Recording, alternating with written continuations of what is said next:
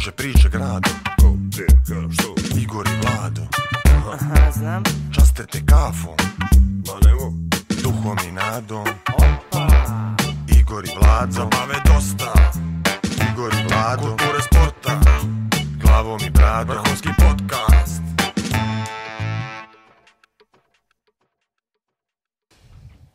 Igor i Vlado, olimpijski podcast, epizoda 4. Gost, Milivoj Dukić.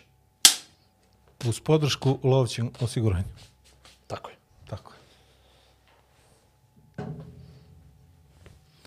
Lovćin osiguranje je naš partner koji podržava ovaj podcast. Prva osiguravajuća kuća u Crnoj Gori koja je danas lider na tržištu osiguranja Igore. Brand koji brine o nama, našoj imovini i svim našim potrebama, prije svega brine o zajednici Igore i podržava zdrave stilove života koje ti praktikuješ. Tako je. Baš kao i mi, pa smo zato i odlučili da zajedno pokrenemo ovaj specijal, započnemo olimpijsku godinu na pravi način da približimo šta znači olimpijske igre i olimpizam. I ne ide nam loše. Ne ide nam loše. Ne ide loše. ja sam slabo obrio glavu, ti si isto iskido ovdje. Jel? Tako, a, Vi- Ne vidi se, neće to vidjeti, to šajo, Dobro, to, šajo u masteru, to sve sredi.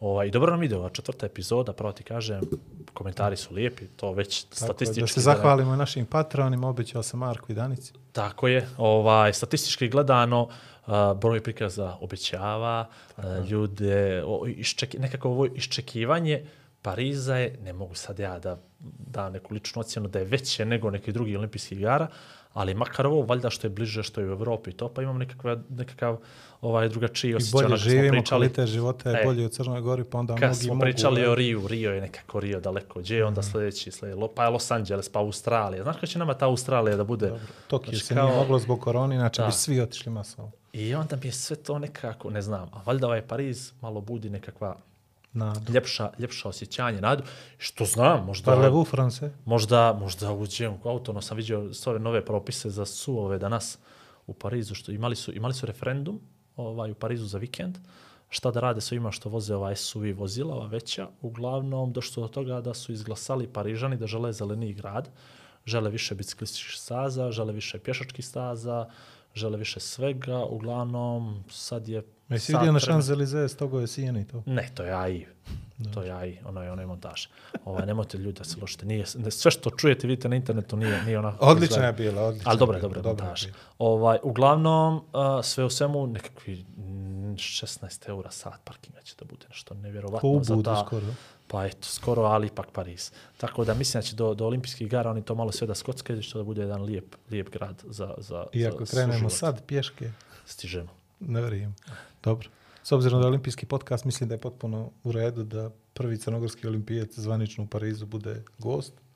Čovjek Ja- ja. je ovo četvrta, Vidi. četvrte olimpijske. Realno, mi smo njega mogli da zovemo i u prve tri epizode, ali nismo. Nego aj nek se kvalifikuje. Realno mi htjeli to. njega da zovemo i prije. Ali nismo. Nije se desilo. Ne, Ajde. znaš što je iz novog čovjeka? A, dok A, dođe, dok komad, što, To ti komad. Vjeruj mi. Znači, Svaki ja, put kad sjedem u bus do novoga, znam koja kad kažu ljudi treba doći, treba, boga mi, treba, i treba, treba se vratiti. treba, se, raditi, treba ove dva, tri sata ovdje provesti s nama i nije ga lako. Nije ga lako. To je cijeli dan ti to doći. Tako je. A čovjek koji se sprema da bude, da ide na olimpijske igre, jedan dan. Šta da ide mas- na olimpijske igre? Da usvoji medalju. O tome ćemo, o tome ćemo, o tome Kako ćemo sad. da... Svaki Ali- koji ode mora osvojiti nešto, šta ti je? A dobro, vidi, sa, sam je sebi to stavio kao, Nametnuo. kao nametno, jest kao obavezu. A, A dobro, a pričat ćemo mi- i o tome, pričat ćemo i o tome. Sreća pričat ćemo- nijesmo mi, jel? Pričat ćemo. A samo ti kažem, kako ti ide ono s tetovažama? Pošto on ima već četiri kruga, zna četiri olimpijske. Nema još četiri, ima tri. Pa dobro, ali Ima tri. sad tetovira četvrti. Sad ću da ga pitam. M- E. Mi smo, mi, vidi, Vinilivo, pošto smo, ja volim tetovaže i pošto realno je sad već da mi je karijera moja na zalasku i da se neću kvalifikovati. Moga si to da O. puštimo prvo dođe, pa onda da A pričate. ne, ne, neka ovako, zato što na ovo nema komentara. A ovo stvarno. misteriozna ličnost je to. na ovo nema što. Ko si I onda smo, ja u periodu zapravo, kad mi završimo ovaj serijal od pet epizoda, ja mogu staviti to važu pet olimpijskih krugova, kao pet epizoda da predstavlja, pa ljudi na plažu neka gledaju, nek se pitaju ko je ovaj, što je ovaj, ja sam snimio pet olimpijskih epizoda i to je to. Tako da, Zamisli da on za svake olimpijske stavi po pet krugova. po pet, to mu dođe sad, sad 20. Mislili bi da je 20. predstavništvo nekih auto industrije. Dobro, javi se. Ajde. Ovaj, uh, stvarno nam je čast i zadovoljstvo da je Milivoj Dukić naš gost. Milivoj, imaš ovu obavezu Da skuvaš tešku jednu kafu. da Meni, skuvaš. Štovanje, dobar dan. Dobro, da, da. Kao kad šedneš, kad bude mikrofon upaljen. Znači, kao što smo se dogovorili, otvoriš kapsulica, zatvoriš da klikne ručica dolje. Dobro.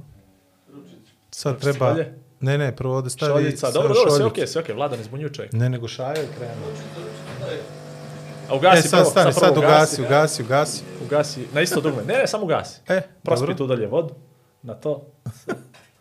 Stavi drugu šoljicu, preci spusti šučicu. Znate, to su realni problemi ugostitelja. Lakše je sa na olimpijske igre kvalifikovati. Čekaj, ja, nisi onda do kraja, ti nije pukla, nije pukla do kraja, ta, čekaj. To, ajde. E, aj sad. Dobro. Vidi ga. Da je lako. Eto. I onda veli što fali radnika u ugostiteljstvu. Vidiš Ovo ovdje je komplikovano. Odavno nismo ovo, znaš. E, Eto ga. Tanjerić. I to je to. Ništa dalje. opuči smo čovjeka, više mu je trebalo. Teže mu je ovo bilo, no da se kvalifikuje. Hvala. Hvala, Milivoje, izvoli. Znači, ne piješ kafu, prvo od toga krećemo, jel? Ne pijem kafu.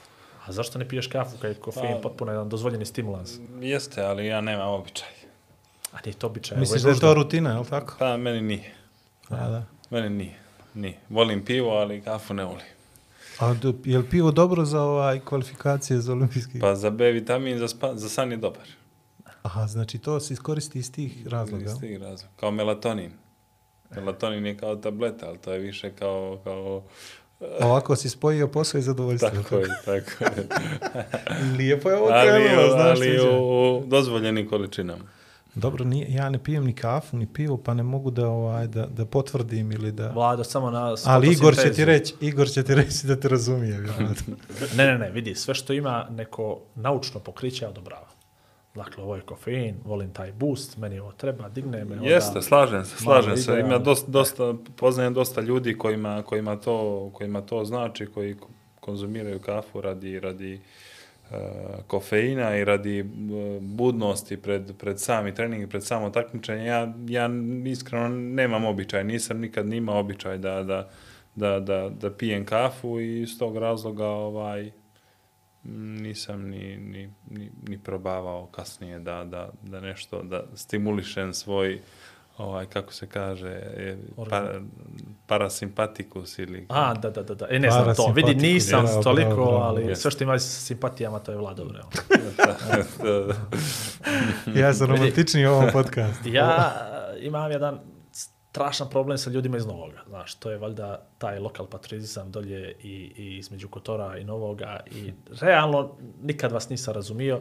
Na drugu stranu nikad ni vi Novljani niste nas Kotorani razumijeli i onda, znaš, iz pozicije nekoga koje je četvrti put sad ide na olimpijske igre, koliko je to smiješno pričati o rivalitetu između Kotora i Novoga, a ovamo sad dođeš ispred cijeloga svijeta i reprezentuješ jednu državu za koju opet, nažalost, veliki broj sportista niti je čuo, niti zna možda na kom su kontinentu, na kom smo kontinentu, a mi ođe lokalno se drvimo između Novoga i Kotora, ili ako uđemo još dublje između Gornjeg i Donjeg Grblja. Znaš, onako. I imamo tu neke Zašto si bio ljubomoran i zašto nikad nisi razumio novljane, počet ću s tim. Pa ajde ovako, prvo da bi nikad se nisam bio... nadovezali, iako imam odgovor na... Ajde na, ovako, na, prvo ja na- nisam nikad bio ljubomoran, više bi ja to mogao da kažem ste vi bili ljubomorni opet svim novljanima, neđe do 2000 mjesto rođenja Kotor. Znači, počnemo od toga da niste imali gdje da se rodite, su morali dolaziti kod nas. Ajde, to nekako, da krenemo, da postavimo stvari na pravo mjesto. Ovaj, drugo, vas da ste imali te nekakve stepenike koje su nas odbijale od, od, od uh, novoga i vas su Kotora nekako pričali, novi je za nas samo jedna velika stepenica, jel, onako. I sve te neke paralelne ulice, nešto je sve. Mi imamo jednu ulicu, znaš, jednu, to je to. Imamo donji, To nije imamo naš gornji problem, put, znaš. to nije naš problem. Nekako je sve logično. Ja A imam kod oće da se vi baš bavili novljanima, brate. Pa vidi, i jedni i drugi imamo Tvrđava, mi, imamo i tvrđava mi, San Giovanni, Skalinada, tvrđava San, San Giovanni. dobro, imamo A mi, nije to je onda je on počeo da se druži s novljanima, kapiraš, pa onda ukapirao benefite, pa onda i se tako. pa, E, ima tu, koristi pa kad mu odgovara. E, E, milo mi što si ti to rekao. Vidi, evo imamo gore jednog umjetnika, odnosno umjetnicu iz Novoga, sa motivima Herceg Novoga, gore tebi iznad glave, tako da nije sa to, to je nekad bilo. I onda sam ja počeo malo da putujem i počeo sam da pričam problem kakvi su novljani, a mi kutorani i ovako, i onda je shvatio kako je to sve bez veze. I reci ti meni, zašto sve ovo pitanje, kako ljudi vide Crnu Goru, ovi ljudi izvani? Pa ja se, ja se uvijek trudim da, da reprezentujem svoju državu na, na pravi način i da, da govorim uvijek u, u najboljem svjetlu, ovaj, što i zapravo, zapravo jeste tako. Ovoga, mi smo jako mali, to, to znamo, to ljudi ne znaju gdje je Crna Gora, to, to je dobro pitanje. Ovaj, mi smo praktički ovaj, jedno zrno na, na, na, na, na zemaljskoj kugli. E, to ima svoje, ima svoje prednosti i mane.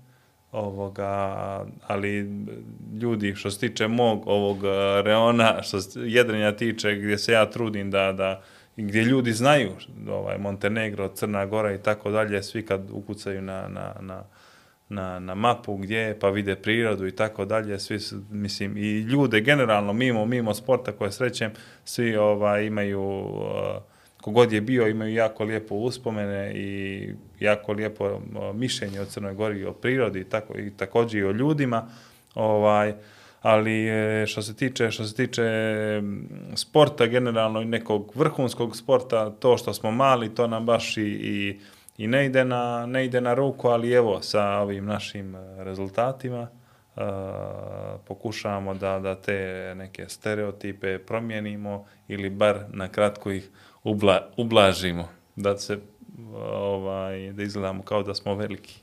Uh, čet, četiri puta. Da to bit će sad četvrti put. To je ovaj, to ljudi koji sjede na kauču, nemaju baš previše dodirnih tačaka sa sportom, gledaju olimpijske igre uglavnom na televiziji, ovaj, ne shvataju koliko je to ogroman uspjeh. Pogotovo posle svega što si prošao, što uvijek nekako odeš na zadnja vrata, što bi se reklo, od tebe se nikad ništa ne očekuje previše, ali sami taj moment da si ti kroz svoje rezultate, norme, došao do olimpijskih igara, vjerovatno kod tebe budi jedan osjećaj ponosa, ali znaju li ljudi oko tebe koliko je to veliko? Pa zna nekolicina, zna, znaju, zna porodica, zna, znaju treneri koliko je to, koliko je to zapravo zahtjevno, znam i ja. Ovaj jer zbilja je zbilja je zahtjevno uh, biti evo već sad deceniju i po počevši od Londona 2012. sad je 2024. godina. 2012. to znači još 3 2 do 3 godine ovaj prije Uh, imao sam 18 godina kad, se, kad sam se prvi put kvalifikao, sad imam u martu punim, kraj marta punim 31, tako da je to računjajući koliko to dođe, 13, 13. 13 godina ovaj u, u jednom olimpijskom uh, u olimpijskim ciklusima, programima, uh, zaista jako zahtjevno. Bezbroj, bezbroj izazova, uh, unutrašnjih borbi, razno raznih sumnji, dostignuća, uh, poraza, ali ovaj e, suština suština je tu da da da sam da sam nekako opstao, da sam izdržao u, u svim tim svim tim nekim unutrašnjim borbama što se tiče što se tiče sporta ovoga zaista je zaista je zaista je zahtjevno jer opet ponavljam mi smo jako mala jako mala zemlja generalno u ovom sportu nikad nismo imali tradiciju uh, mimo pored uh, prije mene ovaj ne bih želio sad sebe da da personifikujem ili ili bilo šta, ali jedrenje u Crnoj Gori uvijek je bio nekog lokalnog karaktera ili sezonskog, kad ljudi su jedrili uglavnom ovaj tokom tokom tokom ljetne sezone i eto uz nekolicinu ljudi, pravih entuzijasta, pravih ljubitelja jedenja, rodila se ovaj stvorila se jedna nova vrijednost gdje sam gdje su vidjeli i mene i moju želju i volju da da da da volim ovaj sport, da želim da radim, da želim da se takmičim na na na na visokom nivou. I eto nekako sta ta ova ta priča ovaj dobija dobija jedan pravi epilog i sa samim sa samim učešćima i eto da pomenem pobjedom na, na, na jednoj od regata na olimpijskim igrama u, u, u Tokiju što je što je zaista bio eh, van van van vremenski trenutak ovaj za, za, za cijelu ovu cijelu ovu priču. E, kontinuitet nekako mi u Crnoj Gori ne cijenimo, čini mi se kako treba. I od tih fascinantnih segmenata te tvoje priče upravo to, da si ti uspio ovaj, da vežeš četiri puta olimpijske igre i da svaki put na osnovu svojih rezultata, svog marljivog rada, posvećenosti, dođeš do tog nekog elitnog skupa ljudi koji, koji učestvuju u sportu, koji je nama, kao što si sam rekao, potpuno nepoznat. Ja o jedrenju ništa ne znam bez da su Dukić, zato smo- Marković Zato smo te zvali. i, i ovaj klinec sad iz Stivta koji se pojavio, koji je napravio odličan rezultat. Nikola Golubović. Nikola Golubović, ovaj, i jedan od razloga možda zašto bi trebao ovaj podcast da traje ovoliko je to da nam daš što više specifikacija vezano za, za klase, za uslove u kojima treniraš, da ljudi koji bi željeli nekako da se ukru, uključe dodatno u tvoju priču, ovaj, da, da to urade preko ovog podcasta. Uh, je li, jesi mogao da budeš vaterpolista pa ti život bude lakši, ne znam. Pa jesam, ja sam ovaj, uvijek, uvijek to pričam. E, moj dom, kuća je jako blizu Vaterpolo kluba i Jedričkog kluba, koji su uh, malte ne jedna, jedna zgrada. Na škveru, jel? Tako je, na škveru. Na škveru. Ovaj, I tradicija, tradicija nalaže da kad ste, kad ste mlad, da, da u toku, kad, u toku školskog raspusta a, probate plivanje, pa onda sleduje vaterpolo i eventualno i jedrenje, jer a, je također to ovaj, nekako a, se od vas očekuje da, da, Da, da, da, da. probate u toku, u toku, školske, u toku školske, školskog raspusta. Probao sam vaterpolo, probao sam plivanje, međutim kad sam probao jedrenje ovoga, i kad sam prvi put zakoračio u klasu optimist, to je nekako za mene bilo i, i sada se sjećam tog osjećaja, taj osjećaj nekako slobode da sam, da sam upravljam sa, sa jedrilicom, da sam nekako sam, sam na moru, na vjetru, na talasima je, je za mene bilo uh, nešto iz, iznad svega iznad, e, iznad svega i taj osjećaj prosto, prosto nije se mogao ovaj mjeriti sa, sa da se neko ne da se neko ne uvrijedi ovaj sa vaterpolom ili plivanjem. To je meni evo i ta neka ljubav i strast prema prema jedričarskom sportu traje i dan danas iako je, ima ovaj svakakih osjećanja, svakakih trenutaka gdje se zapitate da li zaista ovo se ima smisla, sav ovaj rad, trud. To je onaj starac i more moment, jel tako? Pa evo, tako je, tako je. Mislim, sportista, ovaj, svaki sportista prolazi kroz, kroz, kroz, te, kroz te trenutke gdje ja sam nisam izuzetak, ali evo, ovaj, ta, e, ta ljubav prema sportu traje i dan danas i to je nešto ta neka e, zvijezda vodilja što me održava Šta je, izvini Igor, klasa optimist, aj to nam, Dobro, kreni dobro, nam da, odakle. dođemo tehnička. Prvo, sad čekaj sekund, imamo Okej, tu pitanja dobro. tehnički. Ne, nego Prvo- mi interesovalo je to prvo. Dobro, dobro, to su one male kadice. Ok, doći. Moram to da te pitam. E, koliko ljudi ozbiljno shvataju jedrenje kao sport, odnosno koliko je to ozbiljan sport, da kažeš na primjeru neki drugi U države. Crnoj svega Gori. Na, u Crnoj Gori vjerojatno te pitaju čime se baviš. Dobro je to jedrenje, lijepo je to olimpijske igre, ali od čega ti živiš? Pretpostavljam da tako neđe razgovor idu. Nego mene interesuju stvari struktura tog sporta negdje u nekim uređenijim, odnosno većim, ajde da kažemo uređeni, ne, ne, ne govorim da nije kod nas uređeno, ali u nekim većim državama, što u stvari predstavlja jedrenje taj, taj sport? Do čega to može da dovede? Pa ovaj e, dobro je pitanje. Moram moram prvo istaći da da e, jedrenje i svijest o jedrenju se slobodno mogu reći drastično mijenja posljednjih posljednjih par godina i sa, sa našom sa našim rezultatima i generalno promocijom jedrenja u svijetu. E, mi generalno trebamo puno da napredujemo o, u, u svijesti o samom sportu. Da. Ovaj, i mi smo, ja shvatam, mi smo mlada država, već evo koliko... Bilo kojem sportu ili jedrenju? Pa generalno bilo Generalno, kojem to. sportu. Generalno, jedra, jedrenje je tu kao ovaj, nije, nije, nije izuzetak. Što se tiče samog, samog svijeta, evo sad sam bio u Australiji na svjetskom prvenstvu, ovoga, jednostavno je drugačije. Drugačije se malo stvari svaćaju, ali e, donekle, donekle tu ima, a, ima to svoje uporište. Kad, kad gledate cijelu, cijelu, cijelu, tu, cijelu strukturu države, cijelu strukturu sporta, kako se, kako, kako, i način na koji uopšte ljudi, ljudi, ljudi žive ovaj, i kako rade i da li imaju sredstva da se bave sportom i tako dalje. Tako da ovaj, dosta drugačije uređen sport ako, ako, ćemo, se, ako ćemo se mjeriti iako je to možda malo ovaj, metaforički sa, sa, sa, sa zemljama iz zemljama kao što su Engleska, Novi Zeland, Australija i oni su daleko ispred nas.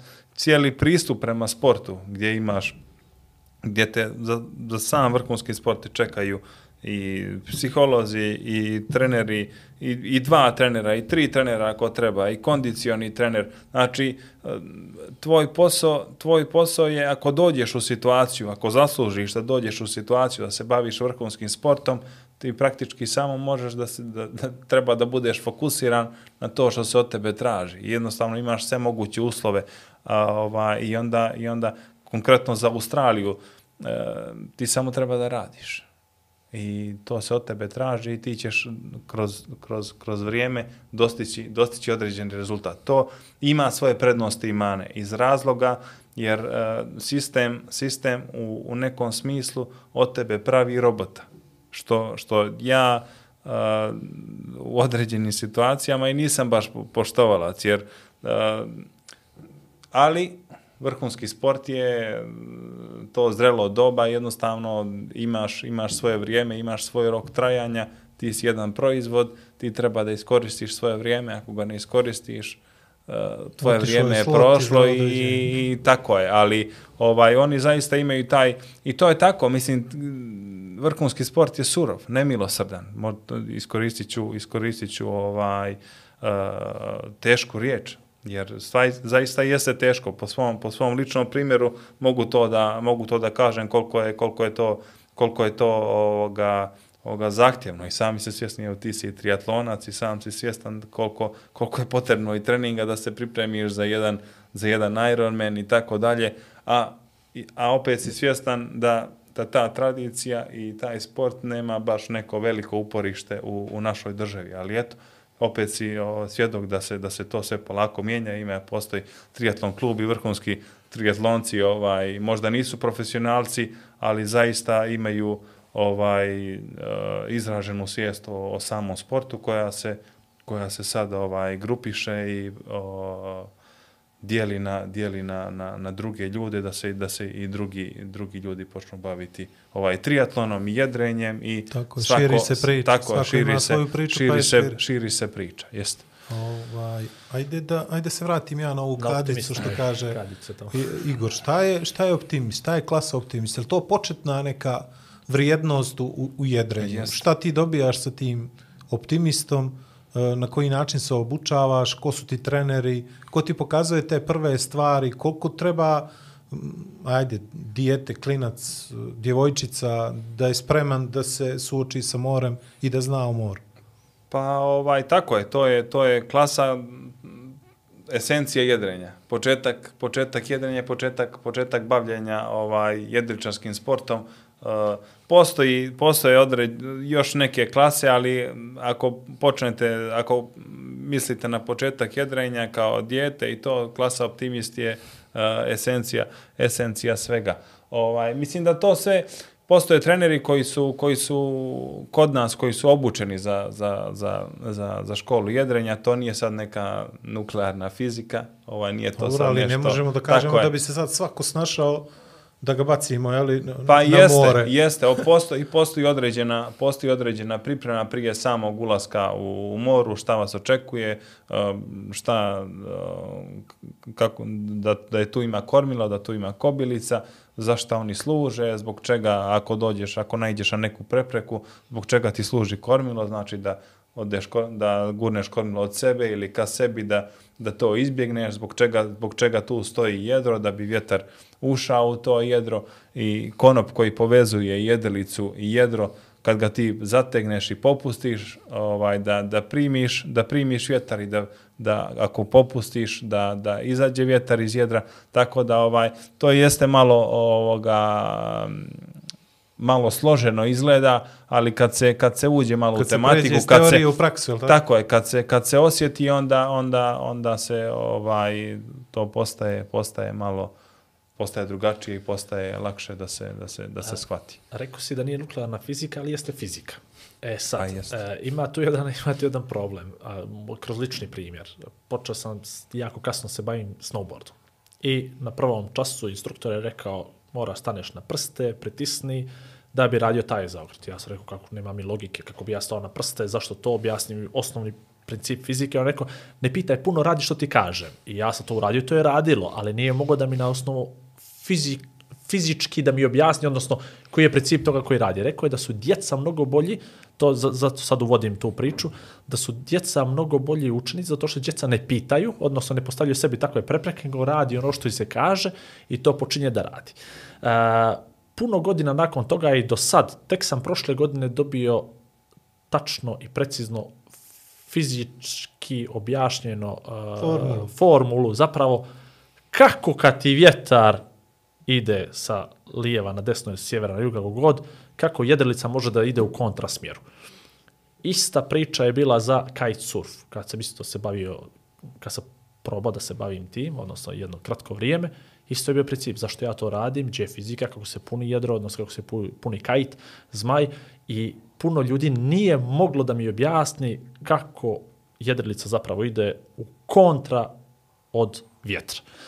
Dok jedan uh, učeni čovjek mi nije objasnio ulazak, uh, odnosno fizika kako ide kroz između dva jedra i tako dalje, pa bi sad molio tebe da ti ođe, makar ljudi koji ne znaju kako to može da funkcioniše, da objasniš tim jezikom. Jer to je uvijek interesantno čut što je fizika iza jedrenja, kako zapravo jedrilica može da Da, se kreće koliko ti u treba toga da znaš, da. Jeste, kako jedrilica može da se kreće u kontra smjeru duvanja vjetra. E, raz, razočarat ću te. Ovaj, Ne znam. Ne, ne, nešto Ne, ne, znam, nego teoretski ovaj, jednostavno ne razmišljaš o tim stvarima. To sam učio dok sam, dok sam, dok sam, kad sam počinjao. Kako to, kako, zbog čega je, kako vjetar ulazi, kako izlazi i zbog čega to. Ali sad teoretski ne bi znao da objasnim. Dobro, ali Ne bi bi znao objasni, da- dobro, okej, ali opet ima... Ne ima bi, i- ne, ne, da. Ne bi da ulaziš u... Ok, razumijem, ali... Približi nam. Kako Približi. ti to to? Prvo, ok, ja znam da se sad više tome kreće jedrilica prolojnijski niz vjetar. Mora da ide e, cik-cak varijantu da bi se, ono, na, na, ne znam kako se to stručno zove, ali objasnim ovo, meni je to strašno interesantno što si rekao. Uh, kad zategneš konop, puniš jedro, ok, ima mi logike kad pustiš konop, otpuštaš vjetar i to. Što god nam, reci, približi nam malo, ja gledam one jedrilice na TV-u, Mi vidimo se vi obučište, ali nešto radite, sa ginje čučite, puštate konope i to, koja je, koja je ne, ne mora je fizika, koja je, što je iza svega toga, što je tvoja uloga u svemu tome, zašto ti bolji od onoga drugoga, ako isti vjetar duva svima vama, istu imate klasu, je li to do, do toga konopa, kako? Milivo je, kako, objasni nam, pri, približi to nam je- malo. To je, kako to sad objasniti na, na način da bude pitak za, za to je stvarno mi- million, million dollar question. ovaj, Možda bi se više ljudi bavili tim, kad bi- against the elements, kako se kaže, against the odds. Kako se kaže? Traži pit, drugo pitanje. A, dobro. ne, a, i, po- Ajde ovako mi, ajde ovo mi. ima, jed, ima jedrenje uh, u orcu ili jedrenje uz vjetar. To je ono kad uh, to je upravo ovo što upravo ovo što si govorio da da ideš ne možeš da ideš ravno u vjetar jer ako ideš ravno u vjetar prosto je nemoguće moraš da ideš po, od, pod određenim uglom da se otvoriš prema vjetru da bi taj vjetar Ušao u jedro. ušao u jedro Jasno. ovaj, i o, sad, ako, sad kako ćemo to da, da, i da kamera to shvati, ako je recimo ovo, ovo bova, ovo je bova tu, i sad vjetar, vjetar duva iz pravca smjera odakle si, oda, gdje se ti nalaziš. Dobro. Uh, ja ne mogu, ako, sam, ako, sam, ako ja jedrim u brodu, ja ne mogu da idem, ako vjetar ideš duva iz tvog da. pravca, ne mogu da idem pravo prema tebi. Dobro. Jer ja moram da se pod, Moraš da podesim- neki ugao prema tako meni, je, da tako? se, da se o- ovaj, e, da usmjerim jedrilicu i svoje jedro pod određenim uglom, da napuvam svoja jedra kako bi taj vjetar ušao u jedro. Jasno. I kad napunim taj jedra, ja prosto, prosto osjetim da taj brod može taj da brod lama. krenuo i može da ide. E, sad, postoji, uh, u jedrenju to kaže, postoji uh, uh, okret koji ideš prema bovi i koji te odaljava od bove. Znači pozitivni i, i negativni.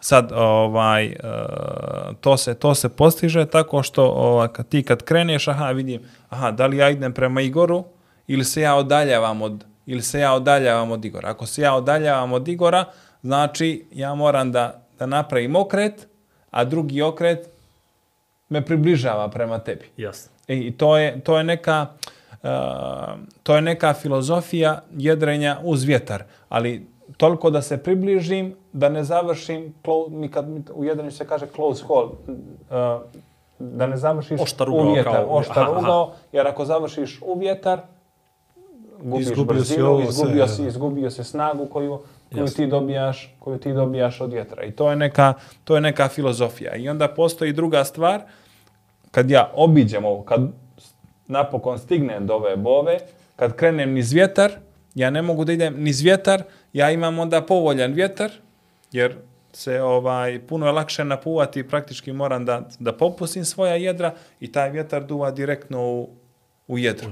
I to je sa, inercija. To bi mi znali. To bi Tako mi je, znali. E, to je to. okej. I to je, to Znači je ti- neka... a, Tvoja u stvari vještina je da što više je, vjetra primiš u jedro u tim nekim lošim okolnostima, a da ga što manje izgubiš kad, jel tako? I Pa- što se bolje snalaziš u takvim okolnostima, to si bolji ili loši od, u odnosu na nekog rivala. Pa tako, u nekom prenesenom značenju suština je da, da, da dođeš, mislim, to je, to je prosto, prosto rečeno, najkraćim, možda ne najkraćim putem do, do, do, do Naj- bove. najbržim. Najbržim i najkraćim putem jasno. do bove. Najkraći put ne mora nužno biti najbrži. Tako je, tako. Da, da, zbog Jer- ovoga kako hvataš vjetar, Kako tako? hvataš vjetar, jer e, regatno polje nije uvijek popunjeno ist, vjetrom istog intenziteta. Tako. Možda je vjetar u, u, u nekom dijelu tog regatnog polja uh, jači u odnosu na, na, na, na drugi i onda moraš da se prilagođavaš. Tebi u stvari da- profesija hvatanje jet- vjetra. Vjetra, tako je, to je, to je, to je, to je, to je cijela, A kad smo već pomenuli regatno polje, izvini, Ajde, ajde. i koliko uh, ti tu smeta, na primjer, da se još neko pojavi s tobom u tom polju, da ste blizu? To ili- dosta komplikuje. Jel tako? To dosta Pa komplikuje. jel vi o, volite da ste blizu jedan drugome pa da nešto, ili da nijeste blizu pa da znate da ima taj vjetar tu i tako dalje, ili neko može da ti ga uzme. Lupio sam sad, može možda, da ti, Ne, ne, tako ali je, pitam, može da ti, da. može to isto kao kao Zavjetrina, kao je. i zavjetrina, Jest. zavjetrina u, u Biciklizmu. U biciklizmu. Jest.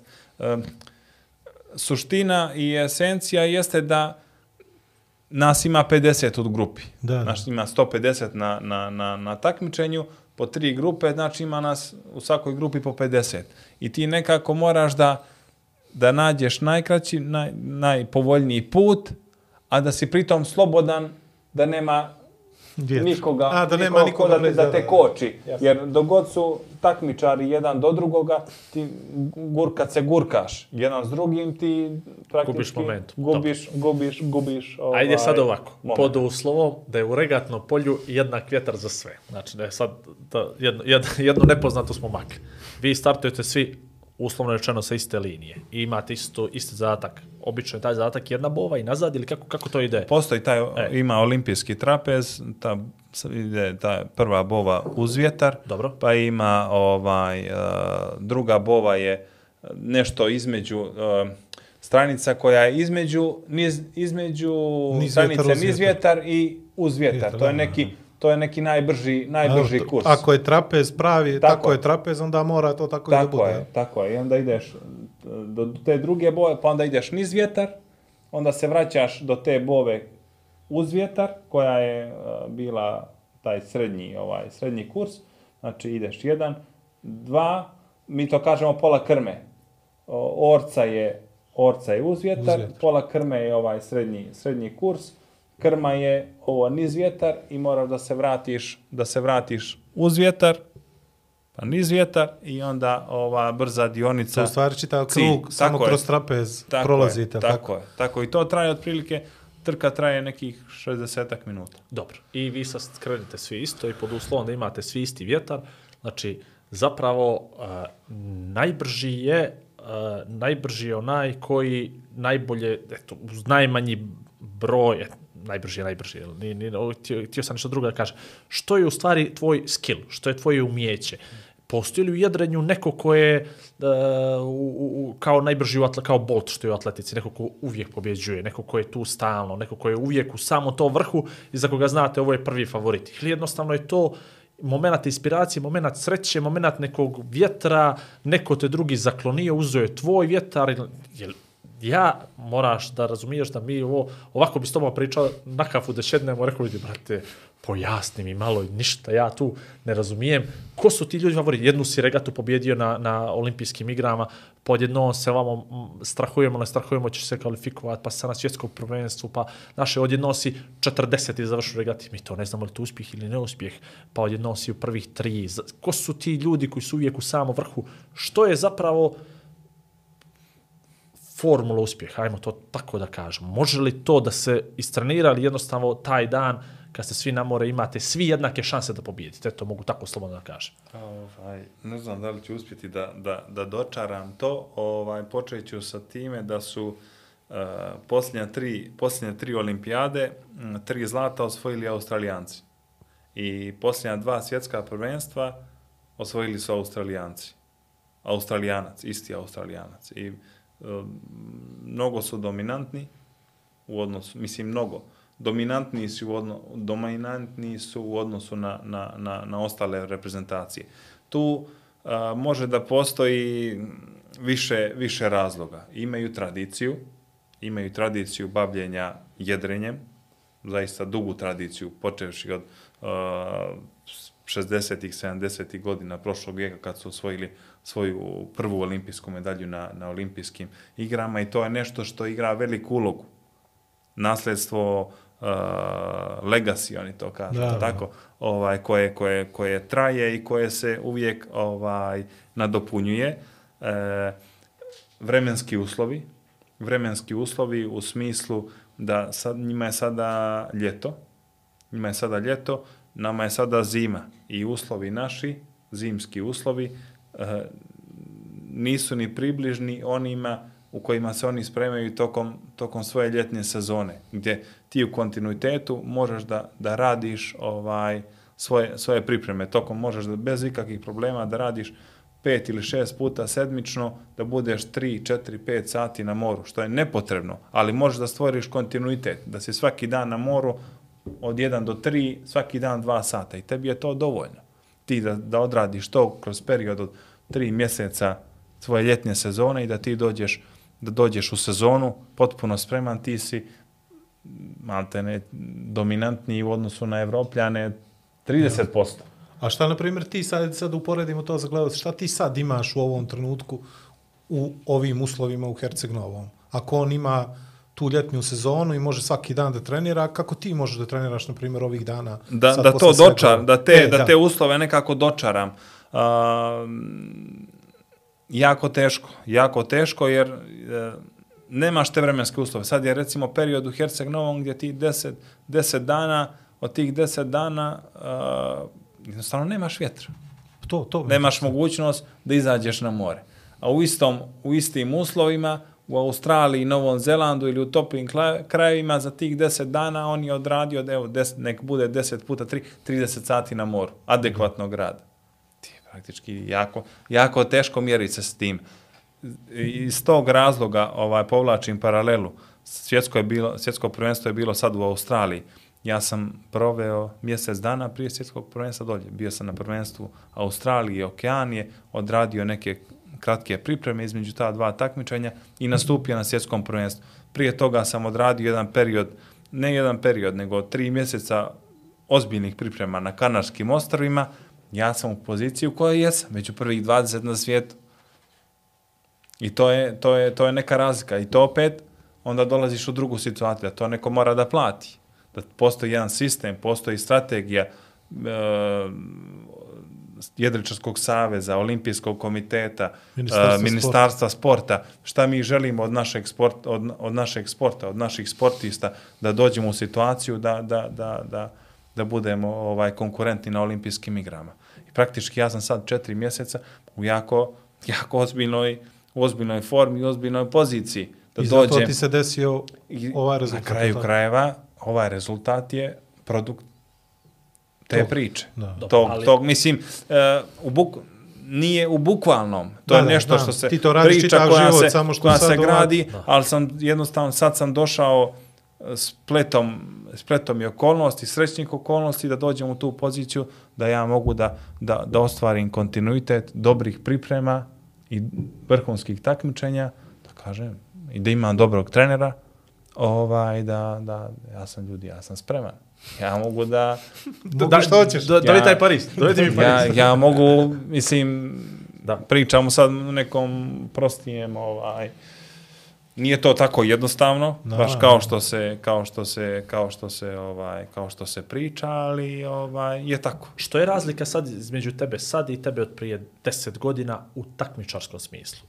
Je li to iskustvo? Što, koji je to? Ja i dalje, ja i dalje pokušavam da zaokružim tu moju priču u glavi. Jesu li to ovi Koji je- uslovi koje sad koji je to moment, imaš, koji je to nisi da ćeš ti da odreaguješ u samoj trci u regati, odreaguješ, odreaguješ sad na ovaj način, a prije 10 godina bi to uradio na onaj način. Fizika i dalje ista, i dalje isto trener, i da, mislim isto. Što je, što, koji su to sad potezi koji sad vučeš pametnije i sad te čeraju u top 20 svjetskog i sutra, jel, voljeli bi svi tu medalju s olimpijskih ili prije 10 godina kad to nije bilo u domenu naučne fantastike. Zrelost takmičara, zrelost čovjeka, zrelost uh, životnog, jedričarskog iskustva. Da Ne možeš kupiti iskustvo, Pa ne možeš, reklo. tako je, ne možeš. E, moraš da prođeš kroz, kroz uh, sito i rešeto, što bi rekli, da bi, da bi došao u situaciju, potencijalnu situaciju, da kad ti se to dogodi drugi, treći ili četvrti i stoti put, aha, ja neću ovo napraviti isto kao što sam napravio prije, ne znam, sedam, osam, deset godina, nego ću napraviti sad kako, zapravo kako treba. Ja. Ajde mi sad reci ovako, na koji si potez sad na svjetskom prvenstvu na tom Australije, Okeanije, prvenstvu posebno ponosan, iako mi nećemo to da razumijemo, ali mene to strašno interesuje. Što si to odradio bolje ili drugačije? Znaš da je to proizvod decenijskog rada. To je, to je upravo plod ovoga o, o, plod ovog rada ko- kojeg sam, kojeg sam naveo, znači konsistentnost, konstantnost, jer to je Kontinuitet. kontinuitet, to je suština svega.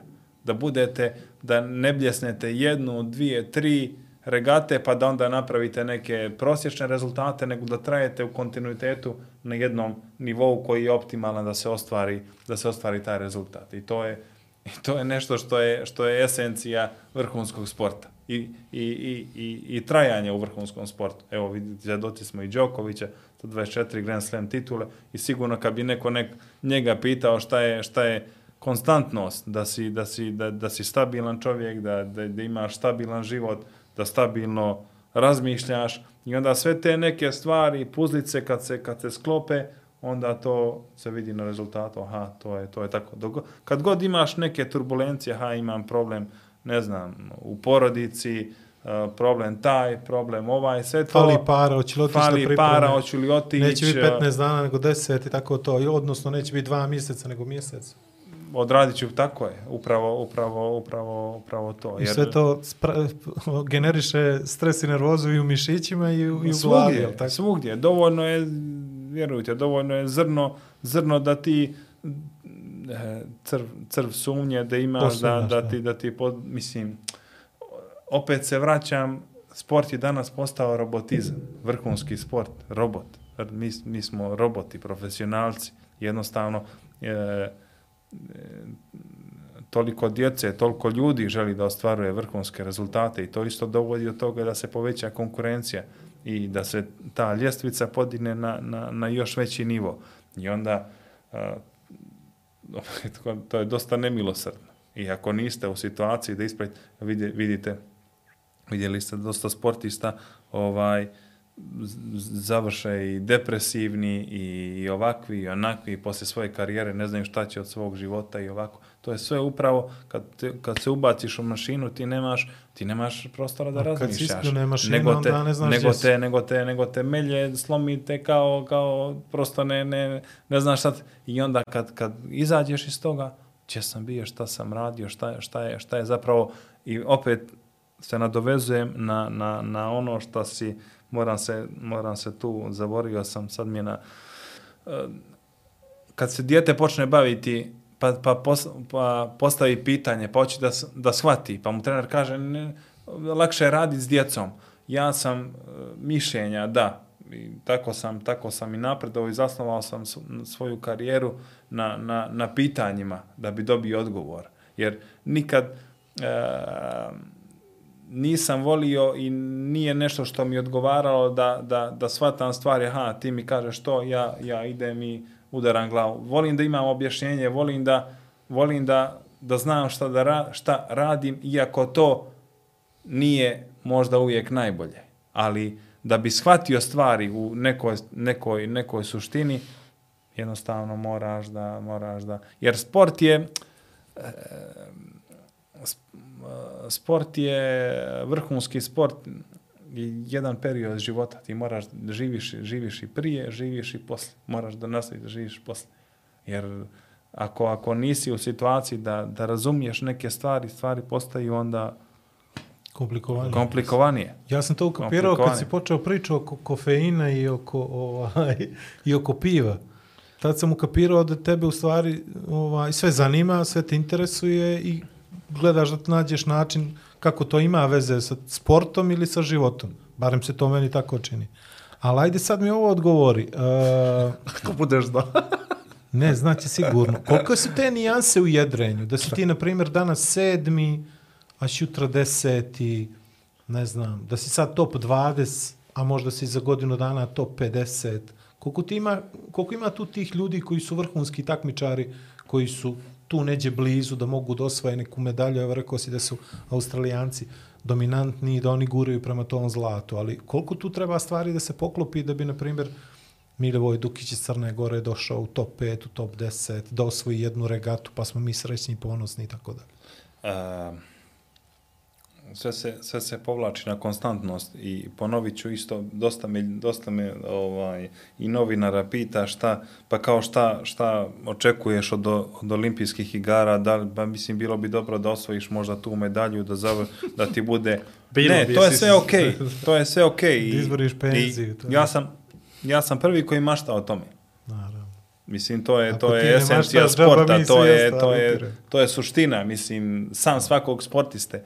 Ali a, potrebno je a, potrebno je shvatiti da bi, da, bi, da bi bilo i meni lakše i javnosti lakše e, š- koliko je to koliko je to zapravo zahtjevno i šta je sve potrebno. Nije samo tu e Milivo ide u teretanu, Milivo ide na more, Vozi biciklo. Bit, vozi biciklo ili, št, ili šta, šta, šta li ja već znam, ovaj, uh,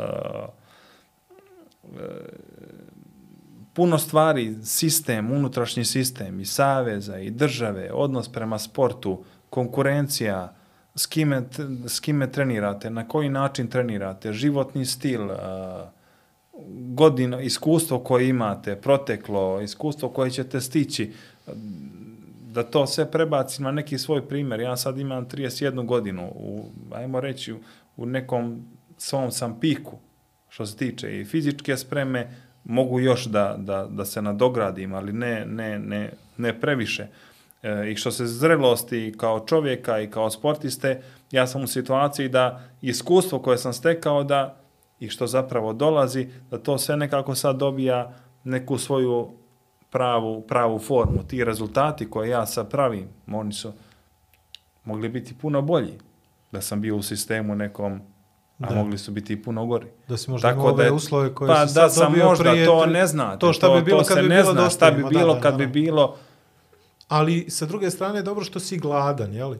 Na primjer, Pa mislim- nisi bio svjetski šampion ili olimpijski prvak tamo neđe 2016. Pa sad imaš tu glad, jeli, za tu medalju. I to je isto nekako bitan faktor, jel tako? To je suština, to je suština i motiv. Motiv je, motiv je glavna stvar da se da, da imate, jer bez toga se ne možete baviti sportom. Koliko ima, Znači, koliko ima, ajde da, da probamo pojednostaviti, koliko ima takmičara koji su na tvom nivou, oko tvog nivoa? u kom, smi, u kom smislu? Sad, na Pa da, olimpijskim da realno igrama. da neko osvoji medalju od njih, da niko neće reći okle ovaj. Koliko će vas biti na to- olimpijskim igrama i koliko je tu realno da, na primjer, budeš u top 10, 7, 5, 3, Ja sam osvojiš? se sada plasirao... Ovo ti ne pričam da ti diže na ljestvicu očekivanja, nego čisto da bi ljudi shvatili Jasno, o ja sam se radi. sada plasirao na 21. mjestu od 153 takmičara ili 15. nacija ili 15. nacija na, s- na olimpijskim igrama će da nastupi 42, 42 zemlje. Ima pravo učešća. Po jedan takmičar. Po jedan Po jedan, takmičar. da, da, to je specifično A, sjedranje, ali tako može samo jedan. Tako je. Uh, konkretno, 21. na svijetu, kogod je među 20 na svijetu, ili pogotovo sada u olimpijskoj godini, to pokazuje uh, da da si jako, što je i vidljivo po rezultatima, jako blizu samog svjetskog vrha. I praktički s- uh, svi takmičari koji su među prvih 20, pa i među prvih 30, i među prvih 40, pa i 50, mogu da, da, da pobjede regatu. Mhm. E, sad je, sad je stvar kontinuiteta, ko to može da uradi više puta ili suština je da ne morate da pobjedite, da budete prvi, drugi, budeš treći, blizu. ali da imaš e, jednocifreni broj, da dođeš u situaciju da nakon 10 regata tvoj uh, tvoj uh, prosječni plasman bude U osmo, 10. osmo mjesto. Da. Osmo, deveto, sedmo mjesto. Jer imaš takmičara koji ima aha, prvo, pa drugu regatu, drugu regatu treće, pa treću regatu dvadeseto. Pa onda š- šesnesto, pa onda pa se onda desi kiks. A imate samo pravo na, jedan, na, jedno, na jedno odbacivanje tokom, tokom, uh, tokom deset regata. I onda to drastično umanjuje ovaj mogućnosti da, da ako imate više kikseva, samo ispadnete. iz- Znači, mi ćemo tebe da pratimo u Marseju, je li tako? Tako je. U Marseju. E, kako to sad izgleda? Koliko to traje dana? Vi svi 40, svaki, učestvujete na svakoj regati svi 40, je li tako? Jest.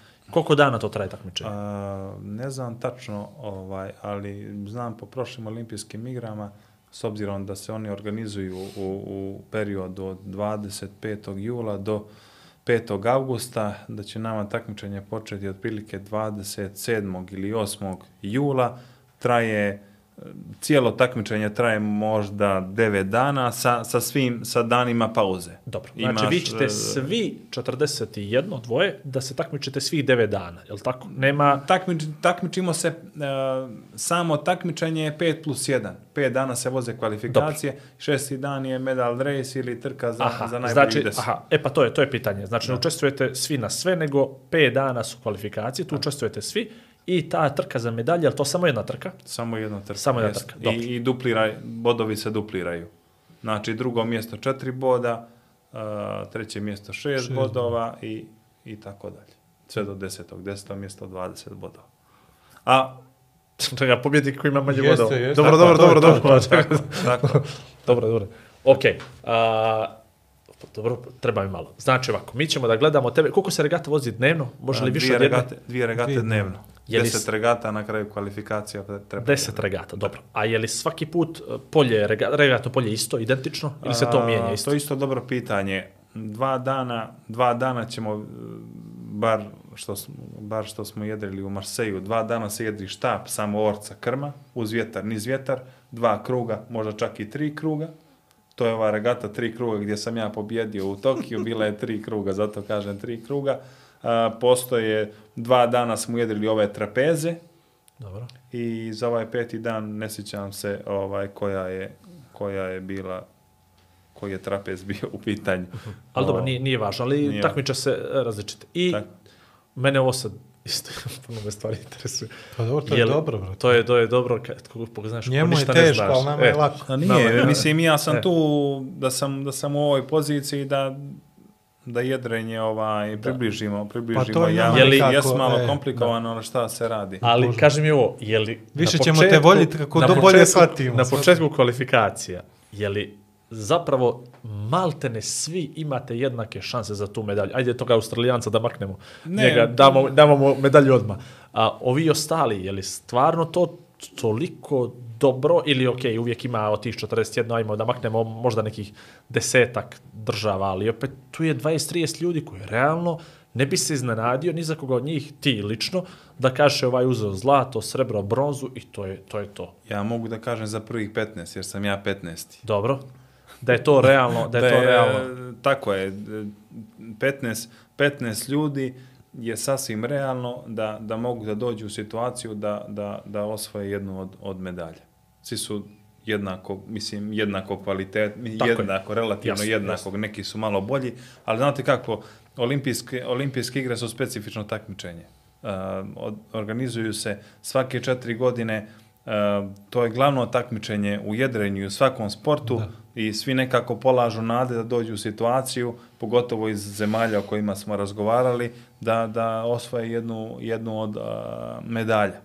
I, ovaj, I tu je upravo i taj trigger point gdje se, gdje se, i, lome, gdje se i lome stvari, gdje je veliki pritisak i velika očekivanja određenih takmičara, federacija i tako dalje, gdje takmičari nisu u mogućnosti da se izbore sa, sa, sa, sa pritiskom koji, koji je potpuno jasan, realan i normalan, i jednostavno Tako je.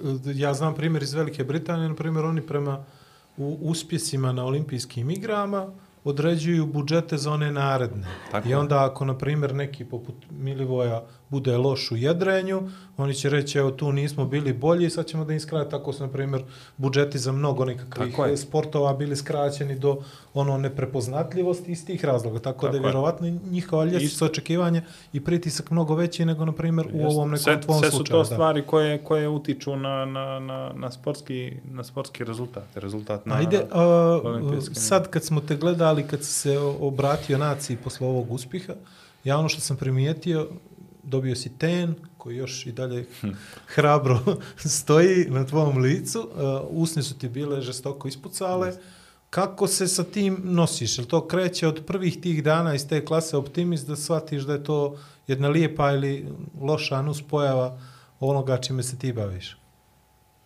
Pa jeste. Meni, meni supruga kaže, tvoj sin neće nikad jedriti, neće, vidi, neće ga vidjeti more. Slušaj, upravo, upravo iz tog razloga ovoga... Koje su to psihofizičke transformacije koje ti moraš da prođeš zahvaljujući tom boravku na moru koje Pa nosi ni, svoje, ni, nisu, nisu velike, postoje, postoje razne kreme. Ja bez kreme ne idem na more, ali zaista ovi uslovi na svjetskom prvenstvu ovaj, zaista dobijaju epitet u određenim trenucima i ekstremnih. Na visokim temperaturama, velikim morima, jakim vjetrovima dovodite svoje tijelo zaista do, do, do, do, krajnjih, do krajnjih granica. I onda i pucaju i usne, i glava, i izgori tijelo. Mislim, to je normalno, to je, to je, dešava se, dešava se, ali nije to, nije to, a ja bih, ja bih potpisao da je to jedini problem mog bavljenja ovaj, ovim, ovim, ovim onda sportom. je le- logično sljedeće pitanje koji su to problemi koji te više muče. Pa, šta ja znam, mislim, ovaj, sad je to sve... trenutno, trenutno nemam nekih, eh, nemam nekih muka velikih. Ali, je- ali, Ovaj. ali si prošao taj proces. Ja Ali sam vidi, prošao znaš što sam mene- mene- ozbiljan, mene- ozbiljan proces. Znači, toko je, toko, je, toko je pitanja. Ovaj, uh, rekao si imaš sad 31 godinu. Ok, ovo će ti biti četvrte olimpijske igre. Neće sam mi pročito da planiraš da ostaviš sad prostor mlađima. Uh, sad si u vrhunskoj, eto, maltene idealnoj, idealnoj formi. Ali zapravo, do kad je, koliki je radni vijek jedriličarima, to je prvo pitanje, a drugo pitanje, zašto ti ne bi bio svake godine, odnosno svake četiri godine sve bolji i bolji i bolji i bolji i zašto bi morao da ideš u penziju? Ti jednostavno za to jedrenje, osim te malo teretane, jel ti malo vučeš te konope, št, plivat znaš pa znaš, ne moraš to da treniraš, zašto ne bi realno svaki olimpijski ciklus bio za klasu bolji nego što si bio prije? I Pa zašto evo- se nazire kraj? To, to me, to me Pa, interesuje.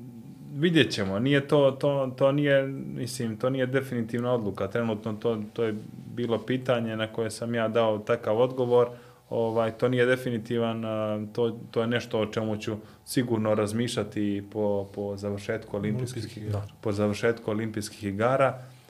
Na to će sigurno uticati ovaj mnogi faktori na koje opet ja ne Jasno, mogu da razumijem, utičem, razumijem. ne mogu da utičem sada, ali ovaj vidjet ćemo, jer e, jedan od razloga e, jeste e,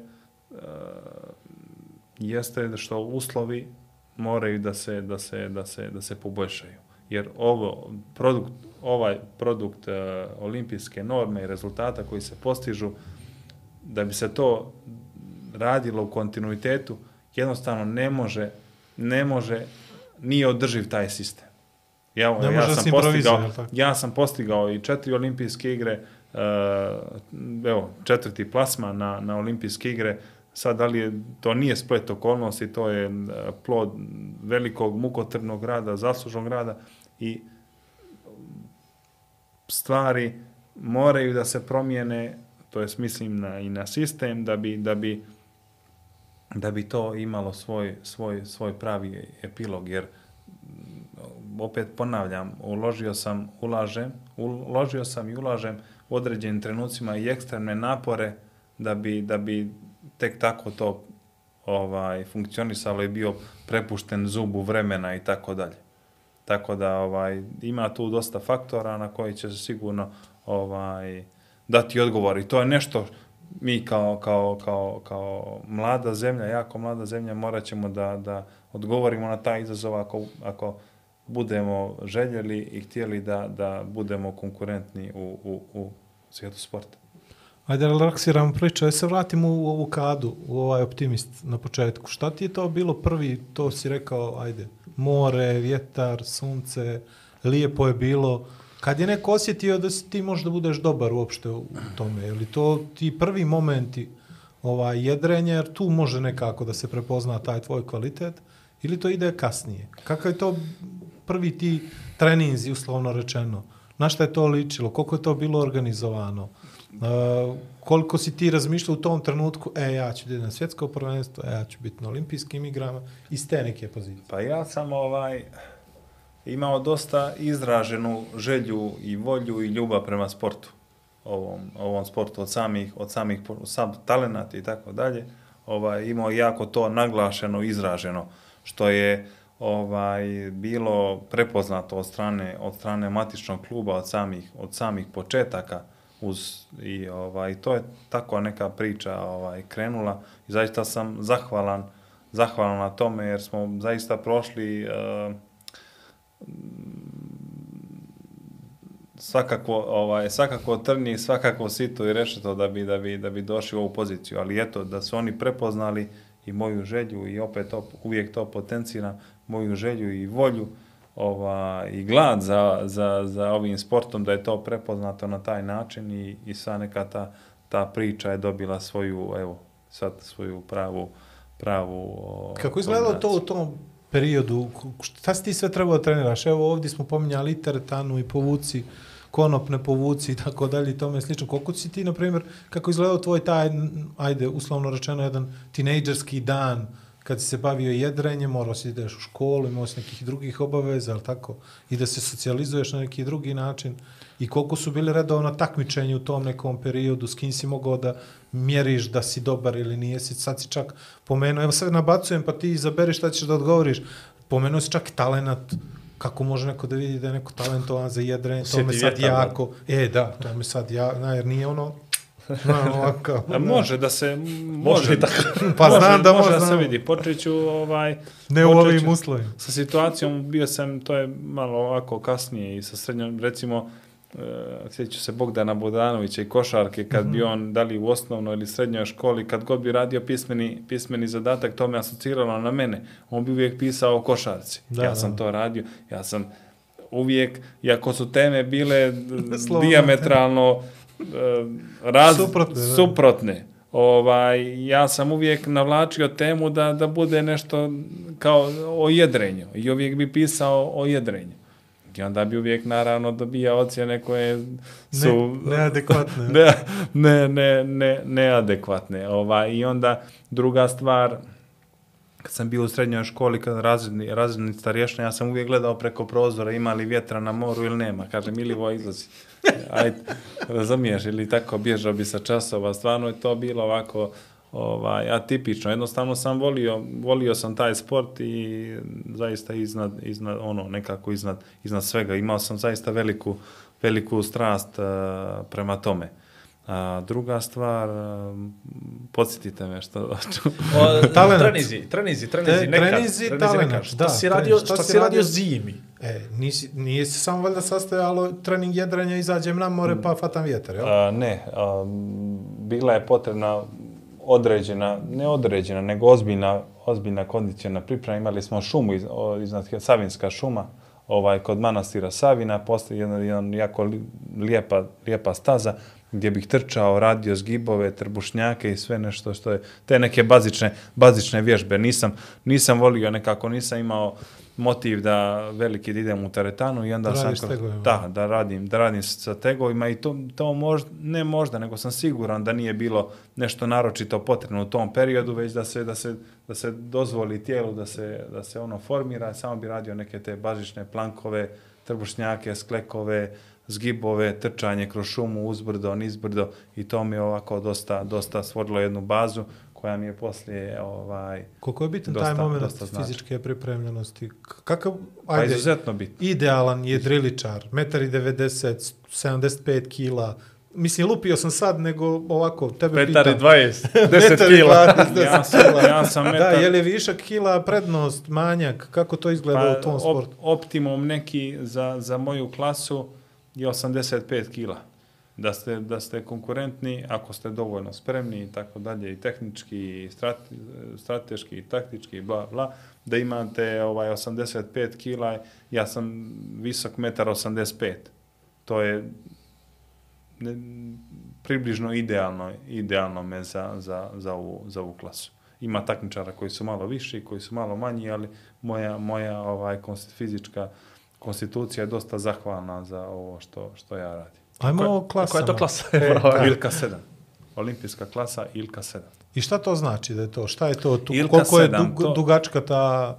4 metra i 20, široka je metar i 30, uh, jedro je kvadrature 7.3 kvadrata, uh, teška je sa svim, sa svim jedrom sa svim jedrom i svom opremom nekih 70, 75 kila. Zovu ga laki jednosjet. Laki olimpijski jednosjet. Znači, Ilka 7 je laki olimpijski jednosad. Laki olimpijski ka- light, he, uh, light single, single-handed lightweight. Tako. Aha, dobro. Single-handed Ali, lightweight. a reci mi sad, jel se personalizuje koliko ta Smije li? makina? Smiješ li da... Ne, to je to, svima isto. A, to je van design klasa. Van design znači da svi imaju, Svima svi isto, moraju da imaju design. isto, upravo sad na svjetskom prvenstvu, tako je pravilo klase da svih 150 takmičara moraju da imaju istu Što znači opremu, da ne što moraš da nosiš sa sobom. Ne, tako je. I generalno da bi, da bi svi imali istu opremu. Da. Da bi i olimpijske igre su tu slučaj i svjetsko prvenstvo je pravilo klase da a, svi takmičari moraju da imaju potpuno identičnu opremu kako bi imali svi jednake uslove da a, za stvarenje Jasno. Ka, rezultata. kad si ukapirao da si dobar? E, kad sam ukapirao da sam dobar. Pa Da. bio sam, bio sam fu, to, mm, ne znam da li sam uopšte ikad razmišljao o tome. Ali se Iskreno. desilo, na primjer, ono, poziv neko veliko takmičenje, svjesam si da si u Crnoj Gori dobar, da može nešto bude ta neka priča šira, veća, da bude evropska priča, svjetska, olimpijska. Da, ovaj nisam nisam nikad nikad raz, nikad nisam razmišljao o tome da li sam da li sam da li koliko sam dobar, da li sam dobar, nekako je to sve išlo da ne zvučim sad previše skromno, ali ovaj smutli. Aha, dobro.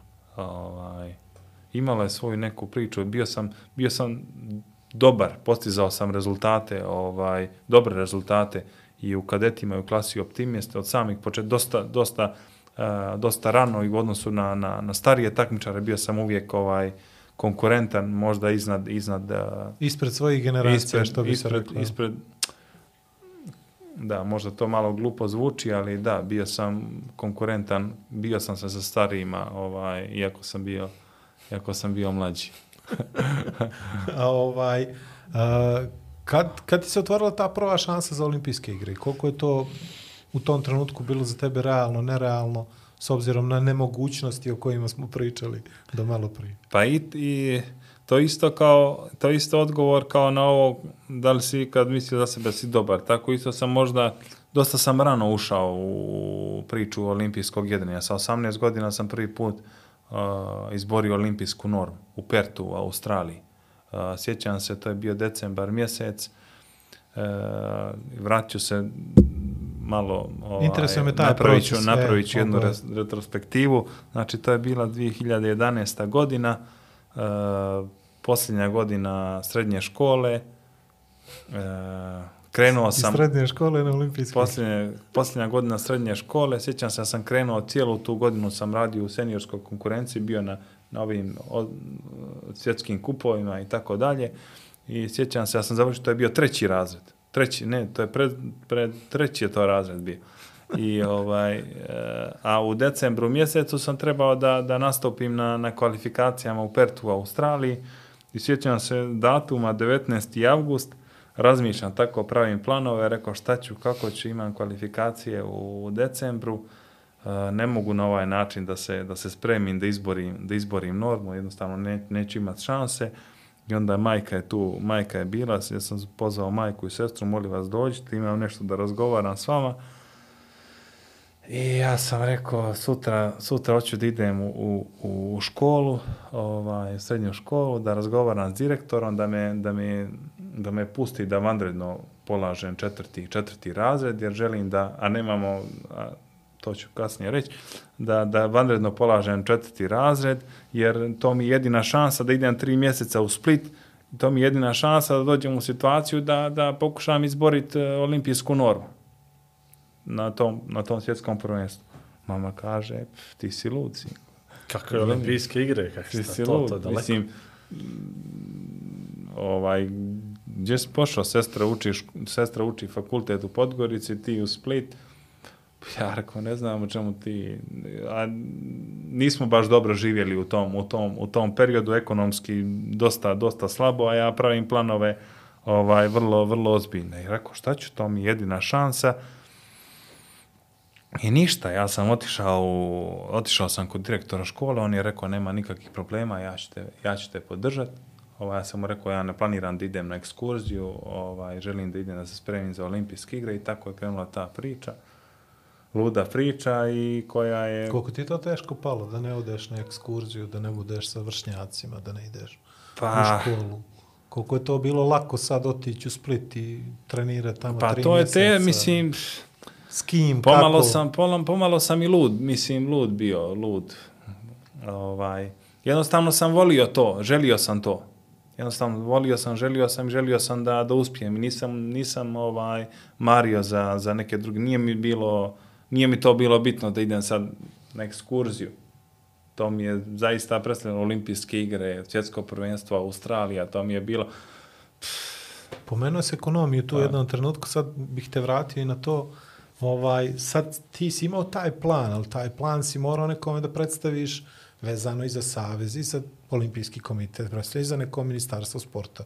Jesu li ti oni isto rekli ovo kao majka, ti si sine lud ili Pa, kako izgledalo to ja tad? Sam, ja sam kod jednog bliskog prijatelja, e, Savez, klub, oni su pomagali, ali nisu, imali smo plan već da ću ići u svjetskom prvenstvu, da će se određeni troškovi riješiti i tako dalje, ali nisam imao taj, jednostavno sam imao samo viziju da želim da idem u Split, da se treniram i spremim. Imao sam jednog bliskog prijatelja, koji, dobrog prijatelja, koji mi je ovaj, pozajmio 900 eura, koji mi je pozajmio 900 eura da, da, da se zaputim za, za Split. I sjećam se, živio sam kod, kod jedne bake, babe, sa kojom sam, ona sad danas ima 80, 90 godina, koja mi je, koja mi je postala druga, druga baba, ne sluteći da će to, da će to tako biti. Ovaj prvih mjesec i po dana sam jeo samo paštu sa crvenim sosom. To je ugljeni hidrat. Samo sam, samo sam to jeo i ona kaže, ej, sinko, Nije dobro. ne možeš ti ovako da se, da se hraniš. Meni su, počeli su, počeo sam da, da, da, dobijam, da dobijam alergiju na, na, na paštu, da mi, se, da mi se crvene noge i tako dalje. Onda sam, mislim, ovo je priča stvarno ludilo. I onda sam polako počeo piletinu i tako dalje, da jedem, da, da, da miksujem. I ovoga... Ne, znaš to je zašto je bilo bitno? poslije mjesec, poslije mjesec. Znaš zašto je bitno da ovo ispričaš? Zato što ljudi moraju da shvate koliko mora čovjek da izađe van zone komfora i nekakvih, ne znam, uobičajenih stvari, da bi napravio to što si ti napravio. Zato je bitno i da ispričaš i za pastu, i crvenilo, i, I, naravno, i, tako dalje. i najbitnije pitanje svega toga je si ti vratio ti 900 eura. 900 eura. E, nisam. Iskreno nisam. To je pitanje svih pitanja, znaš. Nisam. Nisam vratio. Ako Vraćene su na drugi način. Naravno, šalim se. Vraćene su na Šalim drugi način. Jer ovdje se sve vrti oko para. A, šta Dobro, ne, ne, molim te, molim te, nije, nije završio, krenuo je, Da, krenuo da, je s pašta, da, pašta, piletina. piletina, dobro, slušamo I šta dalje. je onda? I to je bilo to. To je bilo to, Tri mjeseca. I Kako onda si si rekao, ide za postale, pet, jel? postale druga baka ne sluteći. u I ja tome. sam, uh, ja sam puno godina uh, i za ciklu za Rio de Janeiro i za Tokio živio kod nje. I ona mi je, ona mi je bukvalno bila kao, kao Član dom. familije, da. kao, kao familija i spremala mi hranu. Svi jedri. E, kako sam ja došao do nje jeste da su dosta jedriličara koji su dolazili u Split na pripreme živjeli kod nje i ona im je tako spremala hranu. Ovaj, platili bi joj za određenu Da. nadoknadu i to, imali bi doručak i, doručak i večeru, ali eto, ona je mene nekako zavoljela od tog samog početka, kako sam ja to sve ovaj zamišljao i radio i, i, i evo i da- dan danas smo dan danas smo u kontaktu i mnogo mi je značila i zaista ona je bila veliki e, Vjetar u veliki jedra. vjetar u leđa u svim u, u ciklus u ciklusu do i pa čak i do Tokija.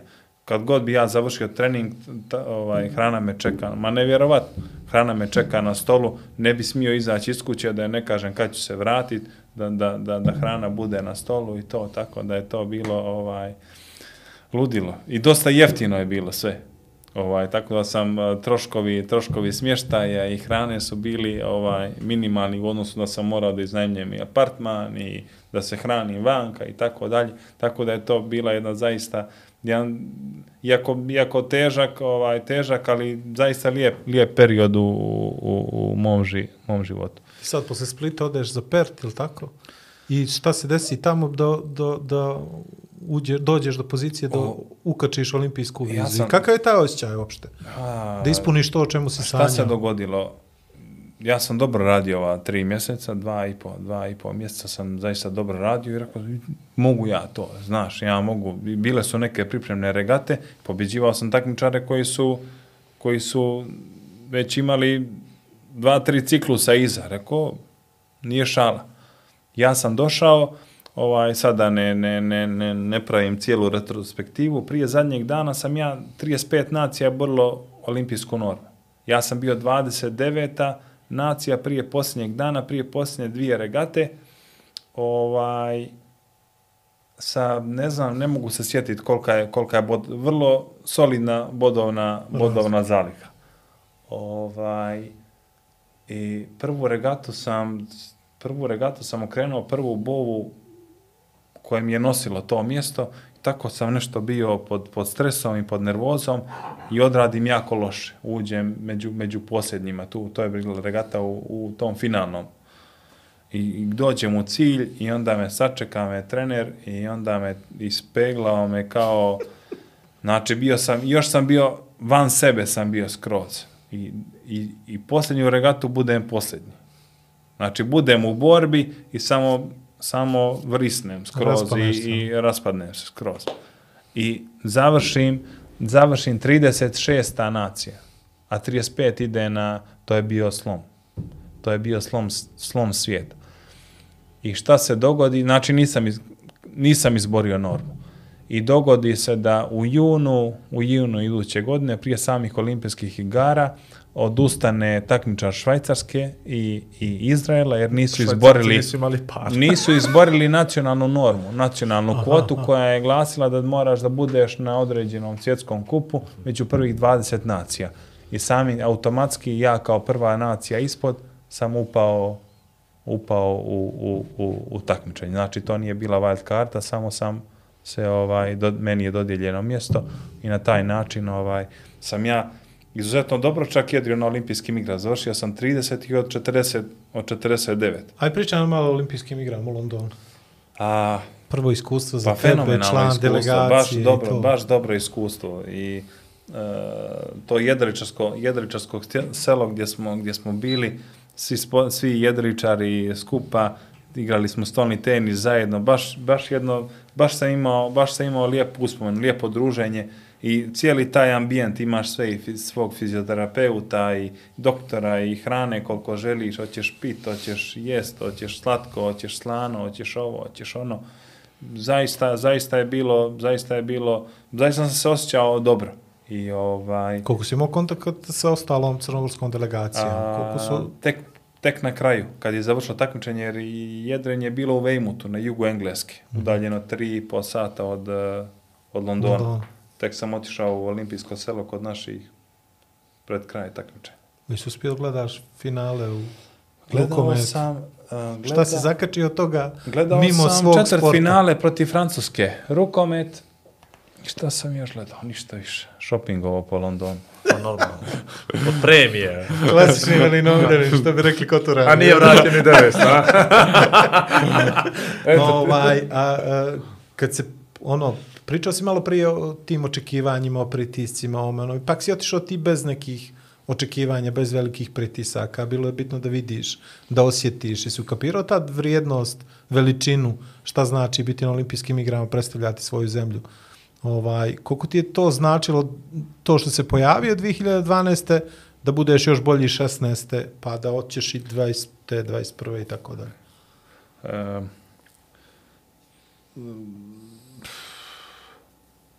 Koliko mi je značilo, pa Jer se promijenio neki odnos u državi prema tebi. Ne znam, lupiću sad. Je li su ljudi... ja sam jako razočaran. E pa to mi da. Jako znači, sam, je, jako je, sam razočaran jer sam mislio, na mapu tad, jer i sam tako mislio, dalje? jer sam mislio da će, da će, da će stvari ovaj da će stvari, jer sam i teško živio i nije mi baš život ovaj funkcionisao baš najbolje u tom periodu i nadao sam se jer sam osvojio i drugo mjesto na evropskom prvenstvu poslije tih do 21. godine Tako poslije je, tih olimpijskih. Ja rekao čovječe, sad će mi život stvarno znaš ono, poslije toliko muke i toliko svega dobit će sad neku svoju i onda četiri godine, tri godine pakla. Tri godine pakla i sredstava a, nedostajućih i a imate ambiciju, ali opet sam op- opet sam imao tu klub koji je koji je uvijek bio uz mene i savez koji je pomagao koliko je koliko je mogao, što je rezultiralo ovaj novom olimpijskom normom. Ja sam 2015. izborio normu za godinu dana prije Da, da. prije ovaj, izborio olimpijsku normu za Rio.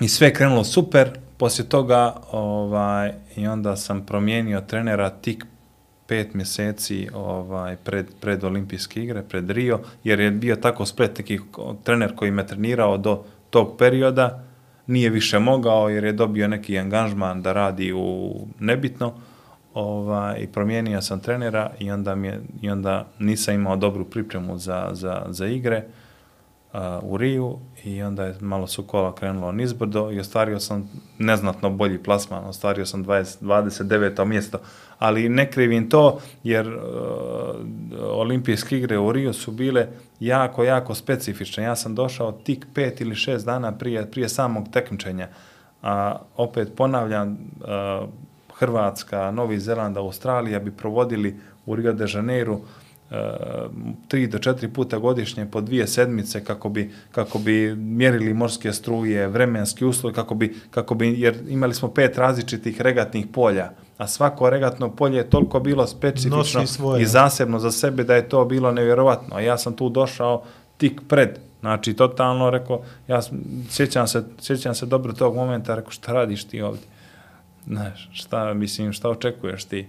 Vjetar, mora koliko hoćeš, talasa, vjetra, rekao, šta je ovo, gdje sam ja stigao, ljudi moje, je li ovo moguće, što meni ovo, što meni ti- ovo koliko treba? ti je idealno sad, na primjer, da si ti dođeš tamo i da, i da mjeriš struje? Kako to uopšte ide taj proces? Ti Pa, pomaže znate- trener. Jel ti znaš već sve o tome? Jel? Pa, Uči li se to? jedno, moraš da prođeš kroz to. Moraš da prođeš kroz to, da osjetiš na svojoj koži. To se ne može, to se ne može ispratiti za sedmicu dana, za dvije sedmice, za tri sedmice. Jednostavno, to je kao proces kroz koji moraš da prođeš, da, da, da, da, da izvučeš informacije, da ih a, akumuliraš, da ih prihvatiš, da. da ih procesuješ, da se vratiš ponovo, da ih ponovo ovaj, prvo Obradiš, prođe, da jesu li obradiš, pa onda i tako ne znam nija koliko puta. i neko kao ja koji je došao u Rio de Janeiro par dana ranije, dođeš i onda rekao šta je ovo? Svi ko jedre kao, kao, kao mašine, tačno zna, aha, treba da startujem tu, treba da vozim tu, aha, bova je tu, a kad jedriš na pamet, nema šta. Imao sam ja lijepih momenata, lijep, zaista dobrih trenutaka gdje sam obilazio ovaj prve prve bove na, na, na jako dobrim plasmanima, ali jednostavno kad niste kad niste dovoljno spremni za za za određeno takmičenje, spremao sam se ovdje u Crnoj Gori, bio sam malo u Splitu, gdje su, gdje su vremenski uslovi mm, ne, suprotni. ne, ne, jednostavno nije, nije, za, nije za upoređivanje. Tako da ovaj se nisam nisam imao zapažen plasman, ali eto onda sam onda sam ostvario dobar plasman u Tokiju gdje sam osvojio olimpijsku medalju, ostvario sam taj plasman među prvih prvih Regatu si 20 osvojio, i tako, regatu osvojio i šta ja znam i to je onda A kaži mi ovo... opravdao neki neuspjeh iz, iz Rio de Janeiro. Ajde, vratit ćemo se na ne. igre, ovo me strašno me ovo interesuje, sad jedno pitanje da ga ne zaboravim. Split, Split, Split, stalno se pominje, ili Split zbog tradicije, ili Split zbog vjetra, ili Split zbog čega Split? Pa Split, a, Split, je, Split je mjesto gdje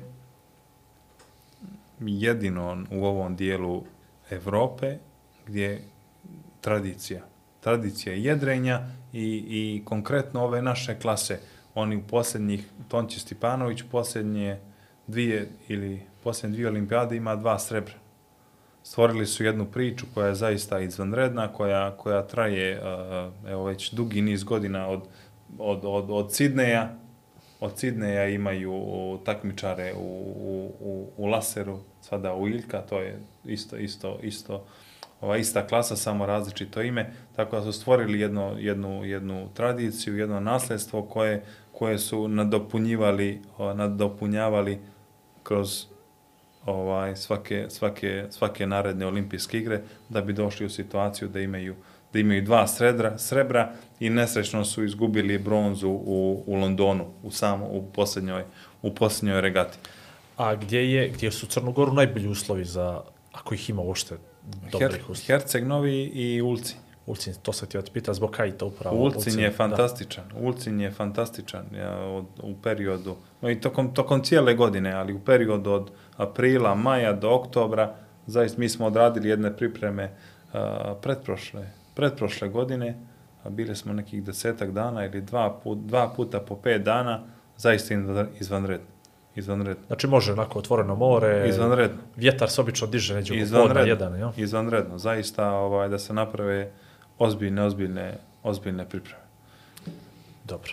A, ajde ako treba još nešto za olimpijske igre vezano za A, paralelu da se povuku da. između... London, Rio, Tokio, osim tog shoppinga, stigne li još čovjek nešto da vidi, osim takmičenja i, i tako dalje? I su uspio osim tog četvrtfinala žena da ukačiš još ponešto? Jesi li stigao do olimpijskog sela da vidiš kako izgleda? Jes, jesam, slikao sam se sa, sa Venus Williams, slikao sam se sa Venus Williams, sa rukometašima Srbije, sa Miloradom Čavićem sam se slikao. Ovaj, bio sam par dana, par dana u selu, ili ja mislim tri dana da je bilo. Malo je nezahvalno to što sam bio, što smo provodio vrijeme, što je nama olimpijsko selo bilo u Vejmutu. Što Da, smo da, bili ja. distancirani i onda nisam baš imao puno ovaj puno prostora za, za gledanje utakmica ovaj drugih uh, drugih reprezentacija i drugih ovaj drugih sportova. To je malo kod jedrenja uh, Specifično. Spe- Pa to, specifično, a u jeste. Riju? Je li u Riju bio Riju, i- isto Riju selo? smo isto bili. Riju, sam, Isto, Riju. Riju smo imali smještaj na, na Copacabani. Na Aha, dobro, Copacabani to. težine. Sa, Jesi igrao lopte? E, nisam puno, nisam puno. Rio mi je, Rio mi je mnogo teško iskustvo bilo. Mnogo teško. To vjerovatno uz, u, ide uz ovaj stres i nervozu, pa ne razmišljaš ni o čemu Mnogo drugom, jel? teško mi je bilo i sam taj period adaptacije, par dana prije i samo takmičenje. I kad smo završili, bio sam možda jedan ili dva dana u selu i onda su odmah Ali Rio je svima odmah- bio pakao, ni rukometašicama nije Pa bilo jeste, dobro. jeste, ni... jeste. Mislim, specifično i same igre, same igre u Rio de Janeiro i organizacija je sve nekako bilo ovaj, i daleko. I daleko i atipično i neorganizacija za nas je to dosta ovaj dosta dosta teško. Za- po- Zaista zahtijeva posebnu posebnu pripremu. Sa Tokiju sam, sa Tokijom sam imao sreće iz razloga jer je bio koronavirus. I onda druge reprezentacije nisu imali prilike da idu Ranije. da idu ranije, da treniraju tamo. I onda smo maltene, svi su, Svi su imali samo iste uslove. Svi su imali iste uslove, svi su samo mogli da dođu na olimpijske igre. I to je bilo top. I onda sam ja dobio svoju šansu da iskoristim svoj ovaj tračak, eh, tračak nade pod suncem i da, da pobjedim, A da pobjedim olimpijsku medalju. Prava šansa, s obzirom da sad Marseille u pitanju, to nam je maltene tu, može Pa kolima jeste. za dan, što Pa bi jeste. rekli poći. Je li ovo prava šansa sad za tebe da se preseliš ovaj, sad jedno šest mjeseci u, Pa neću baš šest mjeseci, ali sigurno ću imat, sigurno ću imat uh, priliku da, da, da osjetim da osjetim Marseille i same uslove. Bio sam prošle godine dva puta po 15 dana, bio i na, na samom tom testu, olimpijskom testimentu osjetio, tako da već imam neki uvid šta me, šta me čeka. Tako da je to meni ovaj, e, ako mogu tako reći, sigurno nisam u prednosti, ali nisam, nisam ni u situaciji da, da, Nemaš da baš, neki. da baš sam totalno, totalno hendikepiran, da se ne razumijem šta, šta, se tamo, šta se tamo događa. Ajde se ne vraćamo na taj Rio, ali koliko je stvarno taj Tokio bio specifičan s obzirom na okolnosti? Koliko je vama bilo teško? Nećemo 2020. iako je sve kako treba, nego ćemo godinu dana kasnije. Jel utiče to malo i na tvoj neki bioritam? jako, jako stres, stresno, jako na- stresno. Pa ste, pazite, zamislite da vam neko kaže upravo i ti si Igore pomenuo, spremaš se za, spremaš se za, za triatlon, toliko energije ulažeš i onda ti, i onda ti pošalju poruku da, si, da, da je, da je ovaj, Otkazan događaj. otkazano. Pa to je da se toliko energije, to to je zaista, zaista iziskuje ogroman napor, ekstreman napor, psihološki, da se, da se pripremite, da dođete u situaciju da i onda šta sad? Šta sad? To je, to je veliki stres, pogotovo za sportiste koji, koji pogotovo za nekoga ko je posvetio cijeli život tome. Da dođe u situaciju da zasija konkretno u tom, u tom, u tom, u tom momentu. Tako da, ovaj, Koliko je specifično bilo to godinu dana pripreme dodatne za olimpijski? Pa meni je nekako, pa ne znam, ne znam da li to mogu tako nazvati, išlo na ruku, išlo ili ne išlo, ali ovaj, Moraš prvo se resetuješ, da kažeš, e, dobro, ovo neće biti ove pa meni je čak i odgovaralo. Jel? Meni je čak i odgovaralo, jer ja nisam imao šta da izgubim. Iz, iz razloga jer nisam imao put kao svi ostali da sam se mogao, da sam se pripremao na način kao što su se pripremali svi ostali. Jednostavno to nisam ovaj nisam mogao, nisam imao i onda mi je to rekla, ajde, ok, imam, imam šansu još godinu dana, pa šta, šta bude, bit će. Sjedio je tu Draško Brguljan, znamo njihovu priču iz Primorca za osvajanje titule prvaka klubskog Evrope, gdje u nekim neuslovima, bez financija, plata, s duplim kupaćim gaćama, oni su ipak pobjeđivali neki Pro Reko i neke hrvatske klubove koji su bili ovaj, finansijski snažniji i moćniji, pa i sa tradicijom većom, ja ću to uzeti da kažem, koliko je to moguće u jedrenju i sa ovim svojim nemogućnostima o kojima smo pričali, da ti sad iz ovakvih situacija dođeš i pometeš ih sve tamo zato što si inspirisan, zato što imaš malo inata, zato što imaš malo nekakvu želju da pokažeš da je možda trebalo više, bolje, značajnije ulagati u tebe, u sportu, u ljude oko tebe. Pa ja sam dobar primjer, ja sam dobar primjer, mislim ne dobar, eh, ali to je dosta nezahvalan, nezahvalan moment u, u karijeri jednog sportice, da morate da crpite van, van uh, sredstva, sredstva uh, pripreme i emocije koje koje nisu potrebne da se koriste na, na, na, na, Borilištu. Na, na borilištu. To ne bi poželio to nikome. To je zaista, to je zaista zahtjevno. Zahtjevno i ostavlja, ostavlja i posljedice. Ostavlja i posljedice, ali eto, kad se nađete u toj situaciji, morate ovaj, i to iskoristiti. Ako ste baš tu, pa onda... Ovaj, Realno je da je sad bolje nego što je bilo. To puno je bolje, To e, jest. puno bolje. Stvar, Ali je daleko od idealnog, to volimo da kažemo. Mislim, e, stvari se mijenjaju. Stvari se mijenjaju, nadležne sportske institucije shvataju šta je polako, šta je, šta je potrebno, ovaj, da, da, se, da se bude konkurentan, da se bude u, u ovoj priči. Ja kao, kao ovaj, olimpijac i iskustvo koje, koje nosim, trudim se da, da prenesem ovaj, i da na taj način dam neki dodatni impuls i stimulus uh, ljudima koji, kojima to može značiti da, da promijene ovaj, uh, pristup prema samom sportu kako bi se olakšalo bavljenje, bavljenje istim. Mm, Ti si prošao mnogo toga.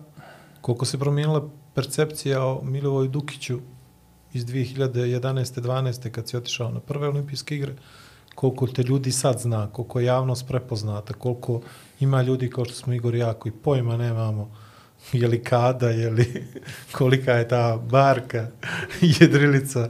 Imali smo interesantnu scenu sa nekim našim reporterima i jutarnjem jedriličarstvu. Jedriličarstvo jeste, jeste, to je bila, to je bila, to je bila To dobra... i dan ovaj, danas, to i dan danas nekako ovaj ljudi se polome oko toga, je li? Ma jeste, ali tim jedrenje. nekim- Jedriličarstvo je kao paragliding. Jest, znam. Paragliding, a jedrenje je jedrenje. Jedrenje je ovo čime se, čime se, čime se ja bavim.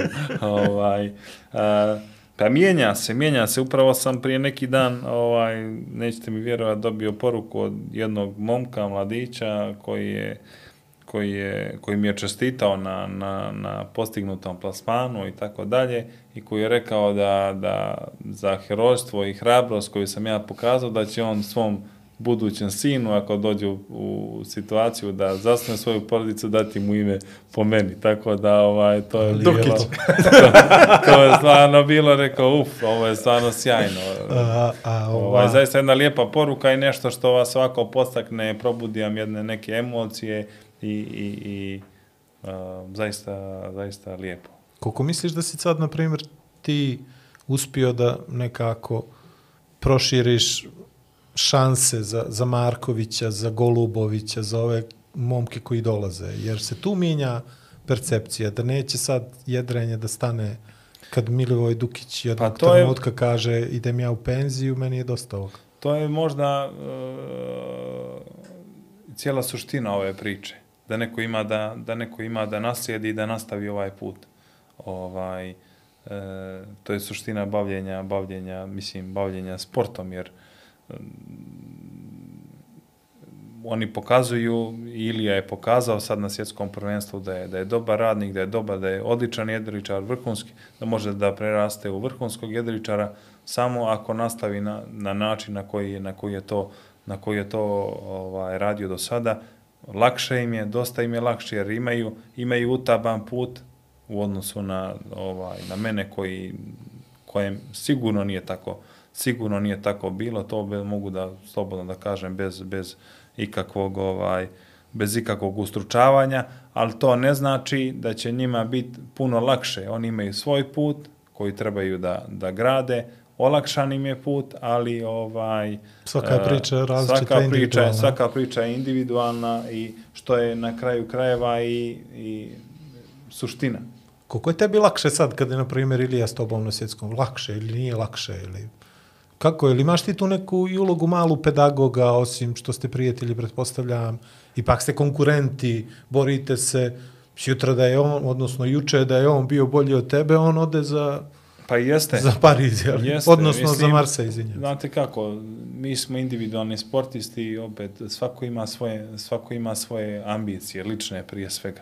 Mi se trudim, trudimo, nego eh, ja uvijek potenciram na tome da moramo da imamo ovaj eh, uzajamno, uzajamno i maksimalno poštovanje jedan prema drugome kako bi jer to je nešto što što će da da poboljša svačiji odnos i da nas da gura jedan drugoga da postižemo još još bolje rezultate. Nezahvalno je to što e, ova klasa može samo da ima jednog takmičara na olimpijskim igrama, ali bože moj, on je on je mlad, e, treba da treba da nastavi, treba da se takmiči, da bude gladan uspjeha i on će sigurno da ovaj da, da, da, da postiže i dobre rezultate u, u budućnosti.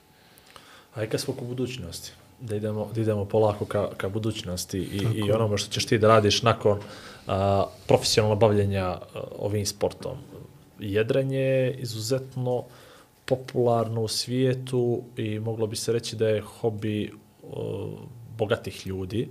Ja sam imao jednu priliku da se upoznam sa jednom organizacijom koja organizuje jedne regate koje su, koje su nevjerovatno e, skupe, velike te jedrilice, govorimo o milionima eura da se kupi to po mnogobrojno posadi. To su ljudi koji su koji se u radno vrijeme su izvršni direktori nekih velikih firmi, onda vikendima putuju po svijetu i učestvuju na nekim regatama koje opet ja ne razumijem, jel? Ali vidim da je to lijepo i skupo i veliko i da su zapravo ti ljudi u okviru njihove te posade su neki bivši ili jedriličari ili profesionalci u tome što rade, da su oni neki finansijeri svega, svega toga. Kakav je to sport van ovog sad olimpijskog uh, sporta? Jer zapravo, evo i triatlon, pominjali smo, pa da ga sad pomenemo, olimpijski triatlon je jedna priča, a ovaj drugi profesionalni triatlon je nešto opet, nešto opet drugo. Što je, št, ti ne vjerujem da možeš pobjeći od, od jedrenja. Pa jeste, jeste, to je, to je, to je jedrenje. Dobro ste rekli, bogati, bogati ljudi, jedrenje sport za bogate ljude. Iz razloga, jer nije, nije jednostavno obe, obezbijediti, kupiti sebi jahtu, pričajući za jedri, jedrilicu, veliku jedrilicu, jer čuli ste možda i za America's Cup, ovaj, to je najprestižnije, najveće, da. najprestižnije i svjetsko, pa u ovom slučaju jedriličarsko, ovaj, svjetsko takmičenje, pa i jedrilič, jedriličarsko, da ovaj, na, možda i najstarije, možda naj, najstariji, naj, najstarije takmičenje na svijetu. Tako da ovaj Ehm, da ne pričam koje su koje su to cifre, koliko koštaju ti brodovi, mislim, čak mnogo skuplje nego sama, nego sama Formula 1. Ovaj, to sve ljudi koji, koji imaju jako, jako ozbiljna sredstva, a jedrenje je prestiž. U svijetu je jedrenje prestiž i to je za, za neke ovaj, uh, bogate te sile i familije i ljude, oni na taj način, ovaj, kao golf, kao golf i kao tenis. Jedrenje, golf i tenis, to oni spadaju u porodicu bijelih sportova. I, ovaj, i oto da to daje još na značaju da ovo, ovom našem uspjehu i, i odakle mi dolazimo ovaj, sa skromnim sredstvima da postižemo ovaj Vi ste takve- sve kontra ovoga. Pa mislim kontra, ne kontra, ali trudimo se da budemo pravi primjeri i reprezenti ovog našeg sporta i kod nas i, i u svijetu. Šta bi mogao, čim bi mogao da se baviš, evo, kad završiš karijeru, kad god se to desilo od sad pa za sljedećih 15 godina? Pa ne znam, širok je, širok je spektar mogućnosti. Širok je spektar mogućnosti. Bi si razmišljao o tome uopšte, ili kako to ide, ili ima... Čovjek ima 30 godina. A dobro, ali to je blizu, Znači, može... ja ne znam sad Ako mu ne- pukne film, sad osvoji medalju, na primjer, na olimpijskim igrama i penzioner je od Volio bi da 35. se školujem. Volio bi da E, se pa to- školujem. to me interesuje, Volio bi da. da se... Završio sam studije tri godine sportskog menadžment- menadžmenta na Univerzitetu Donja Gorica, stipendiju koju sam dobio po po učešću na, na olimpijskim igrama ovaj, i volio bi da, da, da nastavim svoje, svoje školovanje. To mi je nekako, uh, to mi je nekako ambicija. Je li to neka kompenzacija od ranije ili je stvarno želja za usavršavanjem tvoja? Ne, Volio bi da se usavršavam, volio bi da, da čitam, da, da se usavršavam i ja mislim da bi mi to ovaj, e, dosta pomoglo da, da i generalno i zbog mene i da, da upotpunim, upotpunim svoje slobodno vrijeme kad mi djeca malo porastu i kad budem više ima malo više vremena. Ovaj, volio bi da se da nastavim sa, sa obrazovanjem opštim i, i, i Kako to inače funkcioniše? Evo sad si govoriš samo dva mjeseca priprema, tri mjeseca priprema, s druge strane porodica, potomci i tako dalje. Koliko tu treba da se ostavi neke energije, da se postavi nekih kompromisa? Tu si kao otac na službenom putu, jel? Pa tako je, bukvalno. Koliko je tebi par, to teško? Po, posljednjih par mjeseci, bukvalno. A, ha, pa nije lako. Nije lako, ali a, znajući, znajući da, da, mislim, imam dobar odnos sa, sa suprugom.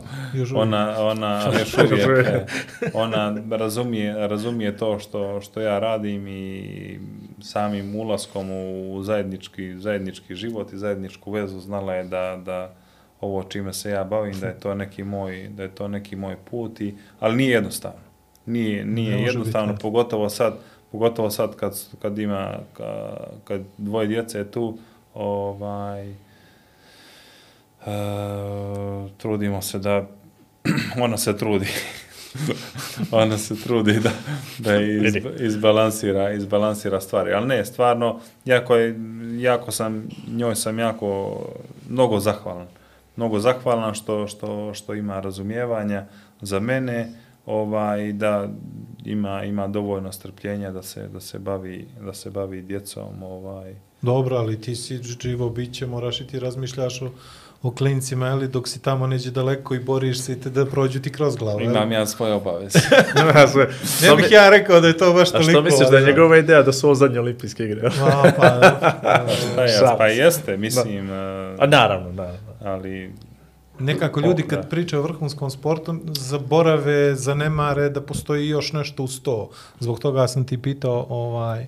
A, Jeste, meni je to uh, imati porodicu, imati djecu, uh, zašto sam zahvalan? Zahvalan sam što, što pored ovoga što, što radim i čime se bavim, imam, imam jedan život koji je, koji je opet aktivan mimo, mimo sporta i to mi, to mi uh, to ima ogroman, ogroman značaj za, i za moje psiho, psihofizičko, balansu, jel? psihofizičko stanje, da sam u balansu i sigurno mogu, uh, sa sigurnošću mogu reći da i rezultati koje se postižu uh, ne djelimično, nego velik, imaju veliki uticaj, ovaj, sama ta porodica i stabilnost u porodici imaju veliki uticaj na, na, na, moje, na, na moj život i sportski, sportski put.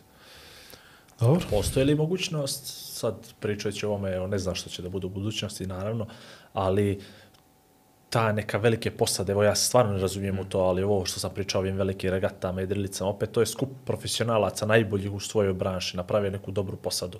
Da li možda vidiš sebe u toj nekoj budućnosti da si i dalje aktivan jedriličar, samo ne u ovom olimpijskom jed, jedre, Jedrenju. jedrenju, jedre, sad sam hrvim se da kažem jedriličarstvu, par što pričam.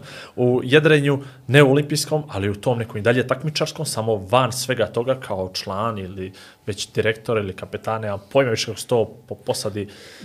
Može, vidiš li se tu?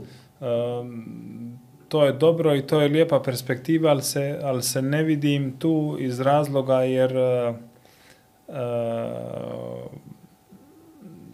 nemam puno prethodnog iskustva. A sad bojim se da, da, da, je, da je kasno za to.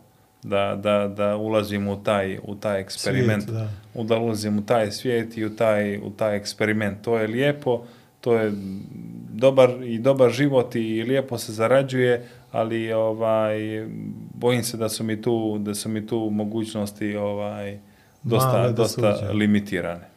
Ovaj ne kažem sigurno možda možda i bude ovaj prilike prilike za tako nešto, ali ovaj volio bi da, da, da nastavim da nastavim ovo i da da, se, da pomognem da se sport razvija u, u, kod nas i u našoj državi. A vidjet ćemo, ne znam. Dobro, a evo, zašto te pitamo? Evo, Dobro, na da. kraju krajeva ti si iz individualnog sporta, Jeste. to je to, ovo je ipak ovo neki timski rad. Pa malo veći, timski, timski rad je jasno, drugačije, jasno, jasno. zahtjeva drugačiji pristup i tako dalje. Mm, mm, Mogao bi sigurno da se prilagodim i tako dalje, ali Ne razmišljaš. ne razmišljam. ne Interesuje me razmišljam o ovo. Kad odradiš trening na otvorenom moru, pretpostavljam neđe, jel ti pane na pamet nekad kažeš, e sad ću još malo neđe, čisto da se opuštim, da vidim horizont, da vidim gdje se spaja Da more i iz gušta, nebo, misliš, jel? da odjedriš iz gušta. Jel postoji taj neki moment da kažeš samo sebi, idem danas onaj, za svoj merak, doći ti malo more, so, Pa nekako ja, Sunce. meni je, meni je, Ili to sve nekako uvijek nabijeno tim Pa nekim ne. takmičarskim momentom? Teško Ne. pitanje, znam. Pa nije teško pitanje, nekako osjećam se kao da mi je merak uvijek kad idem da jedem. Ne uvijek, jer, jer, jer e, jer zna biti dosta naporno i iscrpljujuće, ali samo to jedrenje, sam taj osjećaj mi predstavlja merak. Nekako uživam, uživam u tome, osjećam, kad osjećam taj brod, kad osjećaš more, pa kad, pogotovo kad je lijepo vrijeme, to je nešto zaista ovaj, i jednostavno se pročisti se, sve se pročisti i misli i, i nije mi potrebno I da idem, nije mi, nije, mi- nije mi potrebno da, da, da, idem, da idem dalje. Ali kad, kad zaista osjetim potrebu, onda, onda i pođe. Čisto to radi, radi red. Dobro. Super.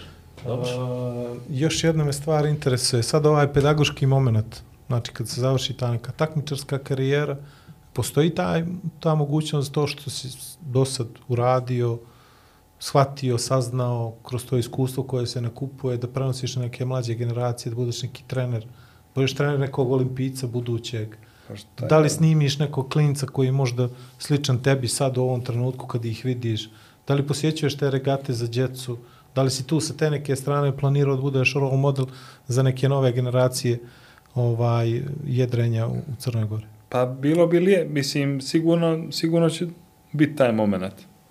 Valjalo bi. Jer eh, vrijedno, vrijedno, je, vrijedno je iskustvo da bi, da bi, da bi pošlo tek tako nezapa... Ne, ne, ovaj, mislim, Mi, osjećaš ti u istoriji svakako, to, je- da, to je sigurno, ali Ovaj, treba da se nađe neka poveznica da budeš tu. Pa sigurno, sigurno. Sigurno ću biti tu na, na, na usluzi mladima da im pomognem da, da, da krenu svojim stopama, ovaj, da krenu svojim stopama da, da ostvare možda i, i bolje rezultate nego što sam, nego što sam ja. Dobro. Vlado, To je to. e, da. tebe. Mamo. To lijepo, čovječe. E, E? Kaže, la, Lovćin osiguranje ti poklona voucher za kupovinu polisa osiguranja. O vrijednostima nećemo. Imamo ovdje neke interesantne ikonice. Inače, sponsor specijala Lovćin osiguranje Milo je da znaš poklanja voucher za kupovinu uh, polisa osiguranja, a sami možete da izaberete ovaj, e, šta želite da osigurate. E sad ima ono, da li će to biti dom? jel Tako je, može. Znači, dom u kojem živite. A, da li želite da osigurate vaš trotinet ili bicikl? A znam da voziš bicikl. No, dobro. Ili ćete prije nego što krenete na put zaštititi se od nepredviđenih okolnosti uz putno zdravstveno osiguranje i to je opcija. A to ti opet valja i za Pariz i za Marseille. Tako, je. I šta god da odaberete, nećete pogriješiti jer imate izbora koliko volite sa lovćen osiguranjem koji brine o vama. Tako da, ovaj, evo, ispred familije Igor i Vlado podcast, direktor, I loćena osiguranja, ja ti ovo potpisnik stalo na dodajem. svim računima, hvala. dodajem. Igor Majer, Puno hvala. Ovaj, ali ovo je stvarno jedna, jedna po meni, makar Super stvar. E, fantastična, fantastična ideja i, i lovčeno osiguranja, naravno i Crnogorskog olimpijskog komiteta, da kroz ovaj mini serijal od pet uh, podcasta malo približimo olimpizam. E sad, mi smo zloupotrebili ovu emisiju, pa smo malo više promovisali jedre nego olimpizam kao olimpizam, ali opet, ko će bolje od tebe koji evo četvrti put gaziš. E sad, kad bi pošao i peti put, znaš, to bi već ono bilo malo ko u Da Crnu opravdaš Goru svaki bi to ovaj krug, e. mogo. Predsjednik Simonović je danas uh,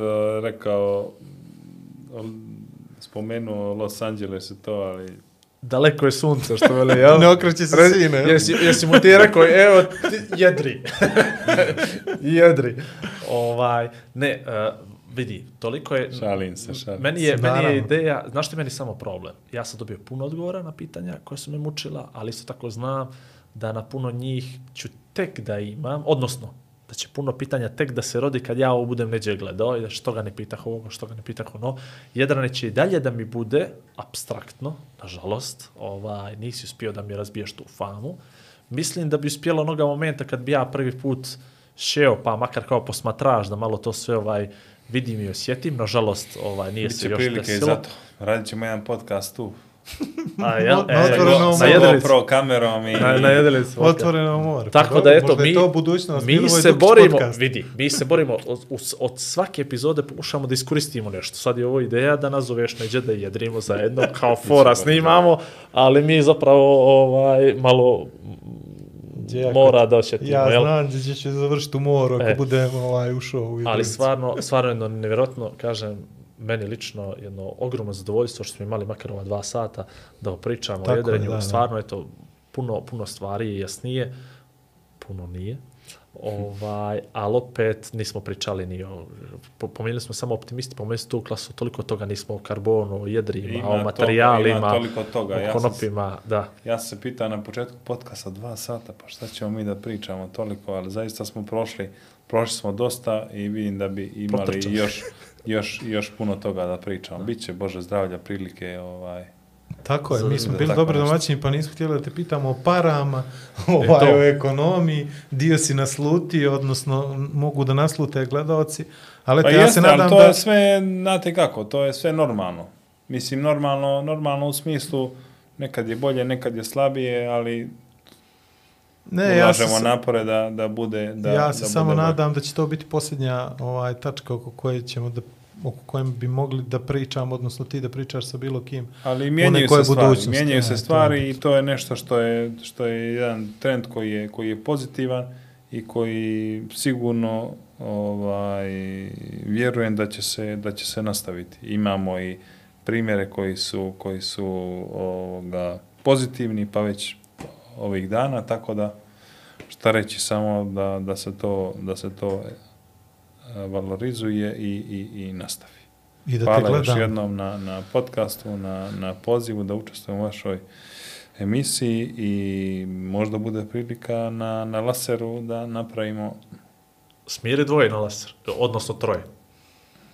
A Koliko bi- može laser. smjeli. A ko će da snima? ja, Drugoga ćemo lasera. Ne, a? Ne može. Mm, teško, teško, teško, teško, teško za troje, ali naćemo mehanizam. Naći mehanizam za to, ali vidi, ovo su, ovo su neke stvari koje... Ovo su sve lijepe stvari. Sve lijepe, ovaj, koje ja sve neđe lijepe pišem. nus pojave Ja ovoga posla. Ja sve neđe pišem. Vidi, dobili smo i prošli put poziv da idemo u olimpijsko selo, snimamo jedan. To ti misliš da si dobio poziv. Samo pozvao sam. A, Milivoj, hvala mnogo što si izdvojio vrijeme, znam ti je naporno sad, pogotovo posle ovog uh, uspjeha, mi volimo nekako, uspjeh je zarazan i mi volimo nekako da se zakačimo za bilo čiji. Ovaj tvoj je stvarno specifičan i fascinantan, četiri puta na olimpijskim igrama, to je to nije mnogo ljudi na planeti, a ne mnogo crnogoraca napravilo, tako da, eto, drago nam je da si bio tu i da si nešto od toga, da smo uspjeli da, da zagrebemo, a ja se nadam da će biti prilike i da pričamo malo šire i dublje oko svih ovih unutrašnjih borbi, spoljnih i tako dalje, mehanizama koje bi mogli skrenu pažnju i kako je teško izaći iz te zone komfora da bi se na kraju ostvario ovako vrhunski rezultat. Tako je, hvala vama na pozivu još jednom i nadam se da će, da će biti prilike i meni je drago da, da, ovaj, da ste opet još jednom da ste me pozvali i da, da, da, da kažem svoje iskustvo koje može služiti i nekim, možda nekim novim uh, olimpijcima, Sigurno. da probudi, probudi inspiraciju za ostvarivanje ovaj, dobrih rezultata u raznim sferama života. Što više labele i kreme, tako? To je to. Šaje, daj trojku. Evo, sami kraj. Hvala još jednom Lovće na osiguranju, hvala Crnogorskom olimpijskom komitetu, hvala nama dvojici što smo ovo opet iznijeli na najprofesionalniji mogući način. Tako. Stvarno sam preponosan na ovu našu saradnju. Hvala. Svaka ti čast. A i, Ovo mi je rekao jednom u životu, tačno će biti nešto sam. Znači, zadnji put će biti. ovaj, tako da završavamo i četvrtu epizodu o Igor i Vlada olimpijskog podcasta. Tako je, Uz... i imamo obećanje da ćemo u posljednjoj epizodi ugostiti predsjednika Crnogorskog olimpijskog komiteta, Dušan Simonović, tako da će to biti interesantna završnica. Finale svih finala. Tako Jesi je. to tako kaže? Tako je, tako. Finale svih finala. Dobro, završavamo četvrtu epizodu Igor i Vlada olimpijskog podcasta uz stari crnogorski pozdrav. Aj, prijatno.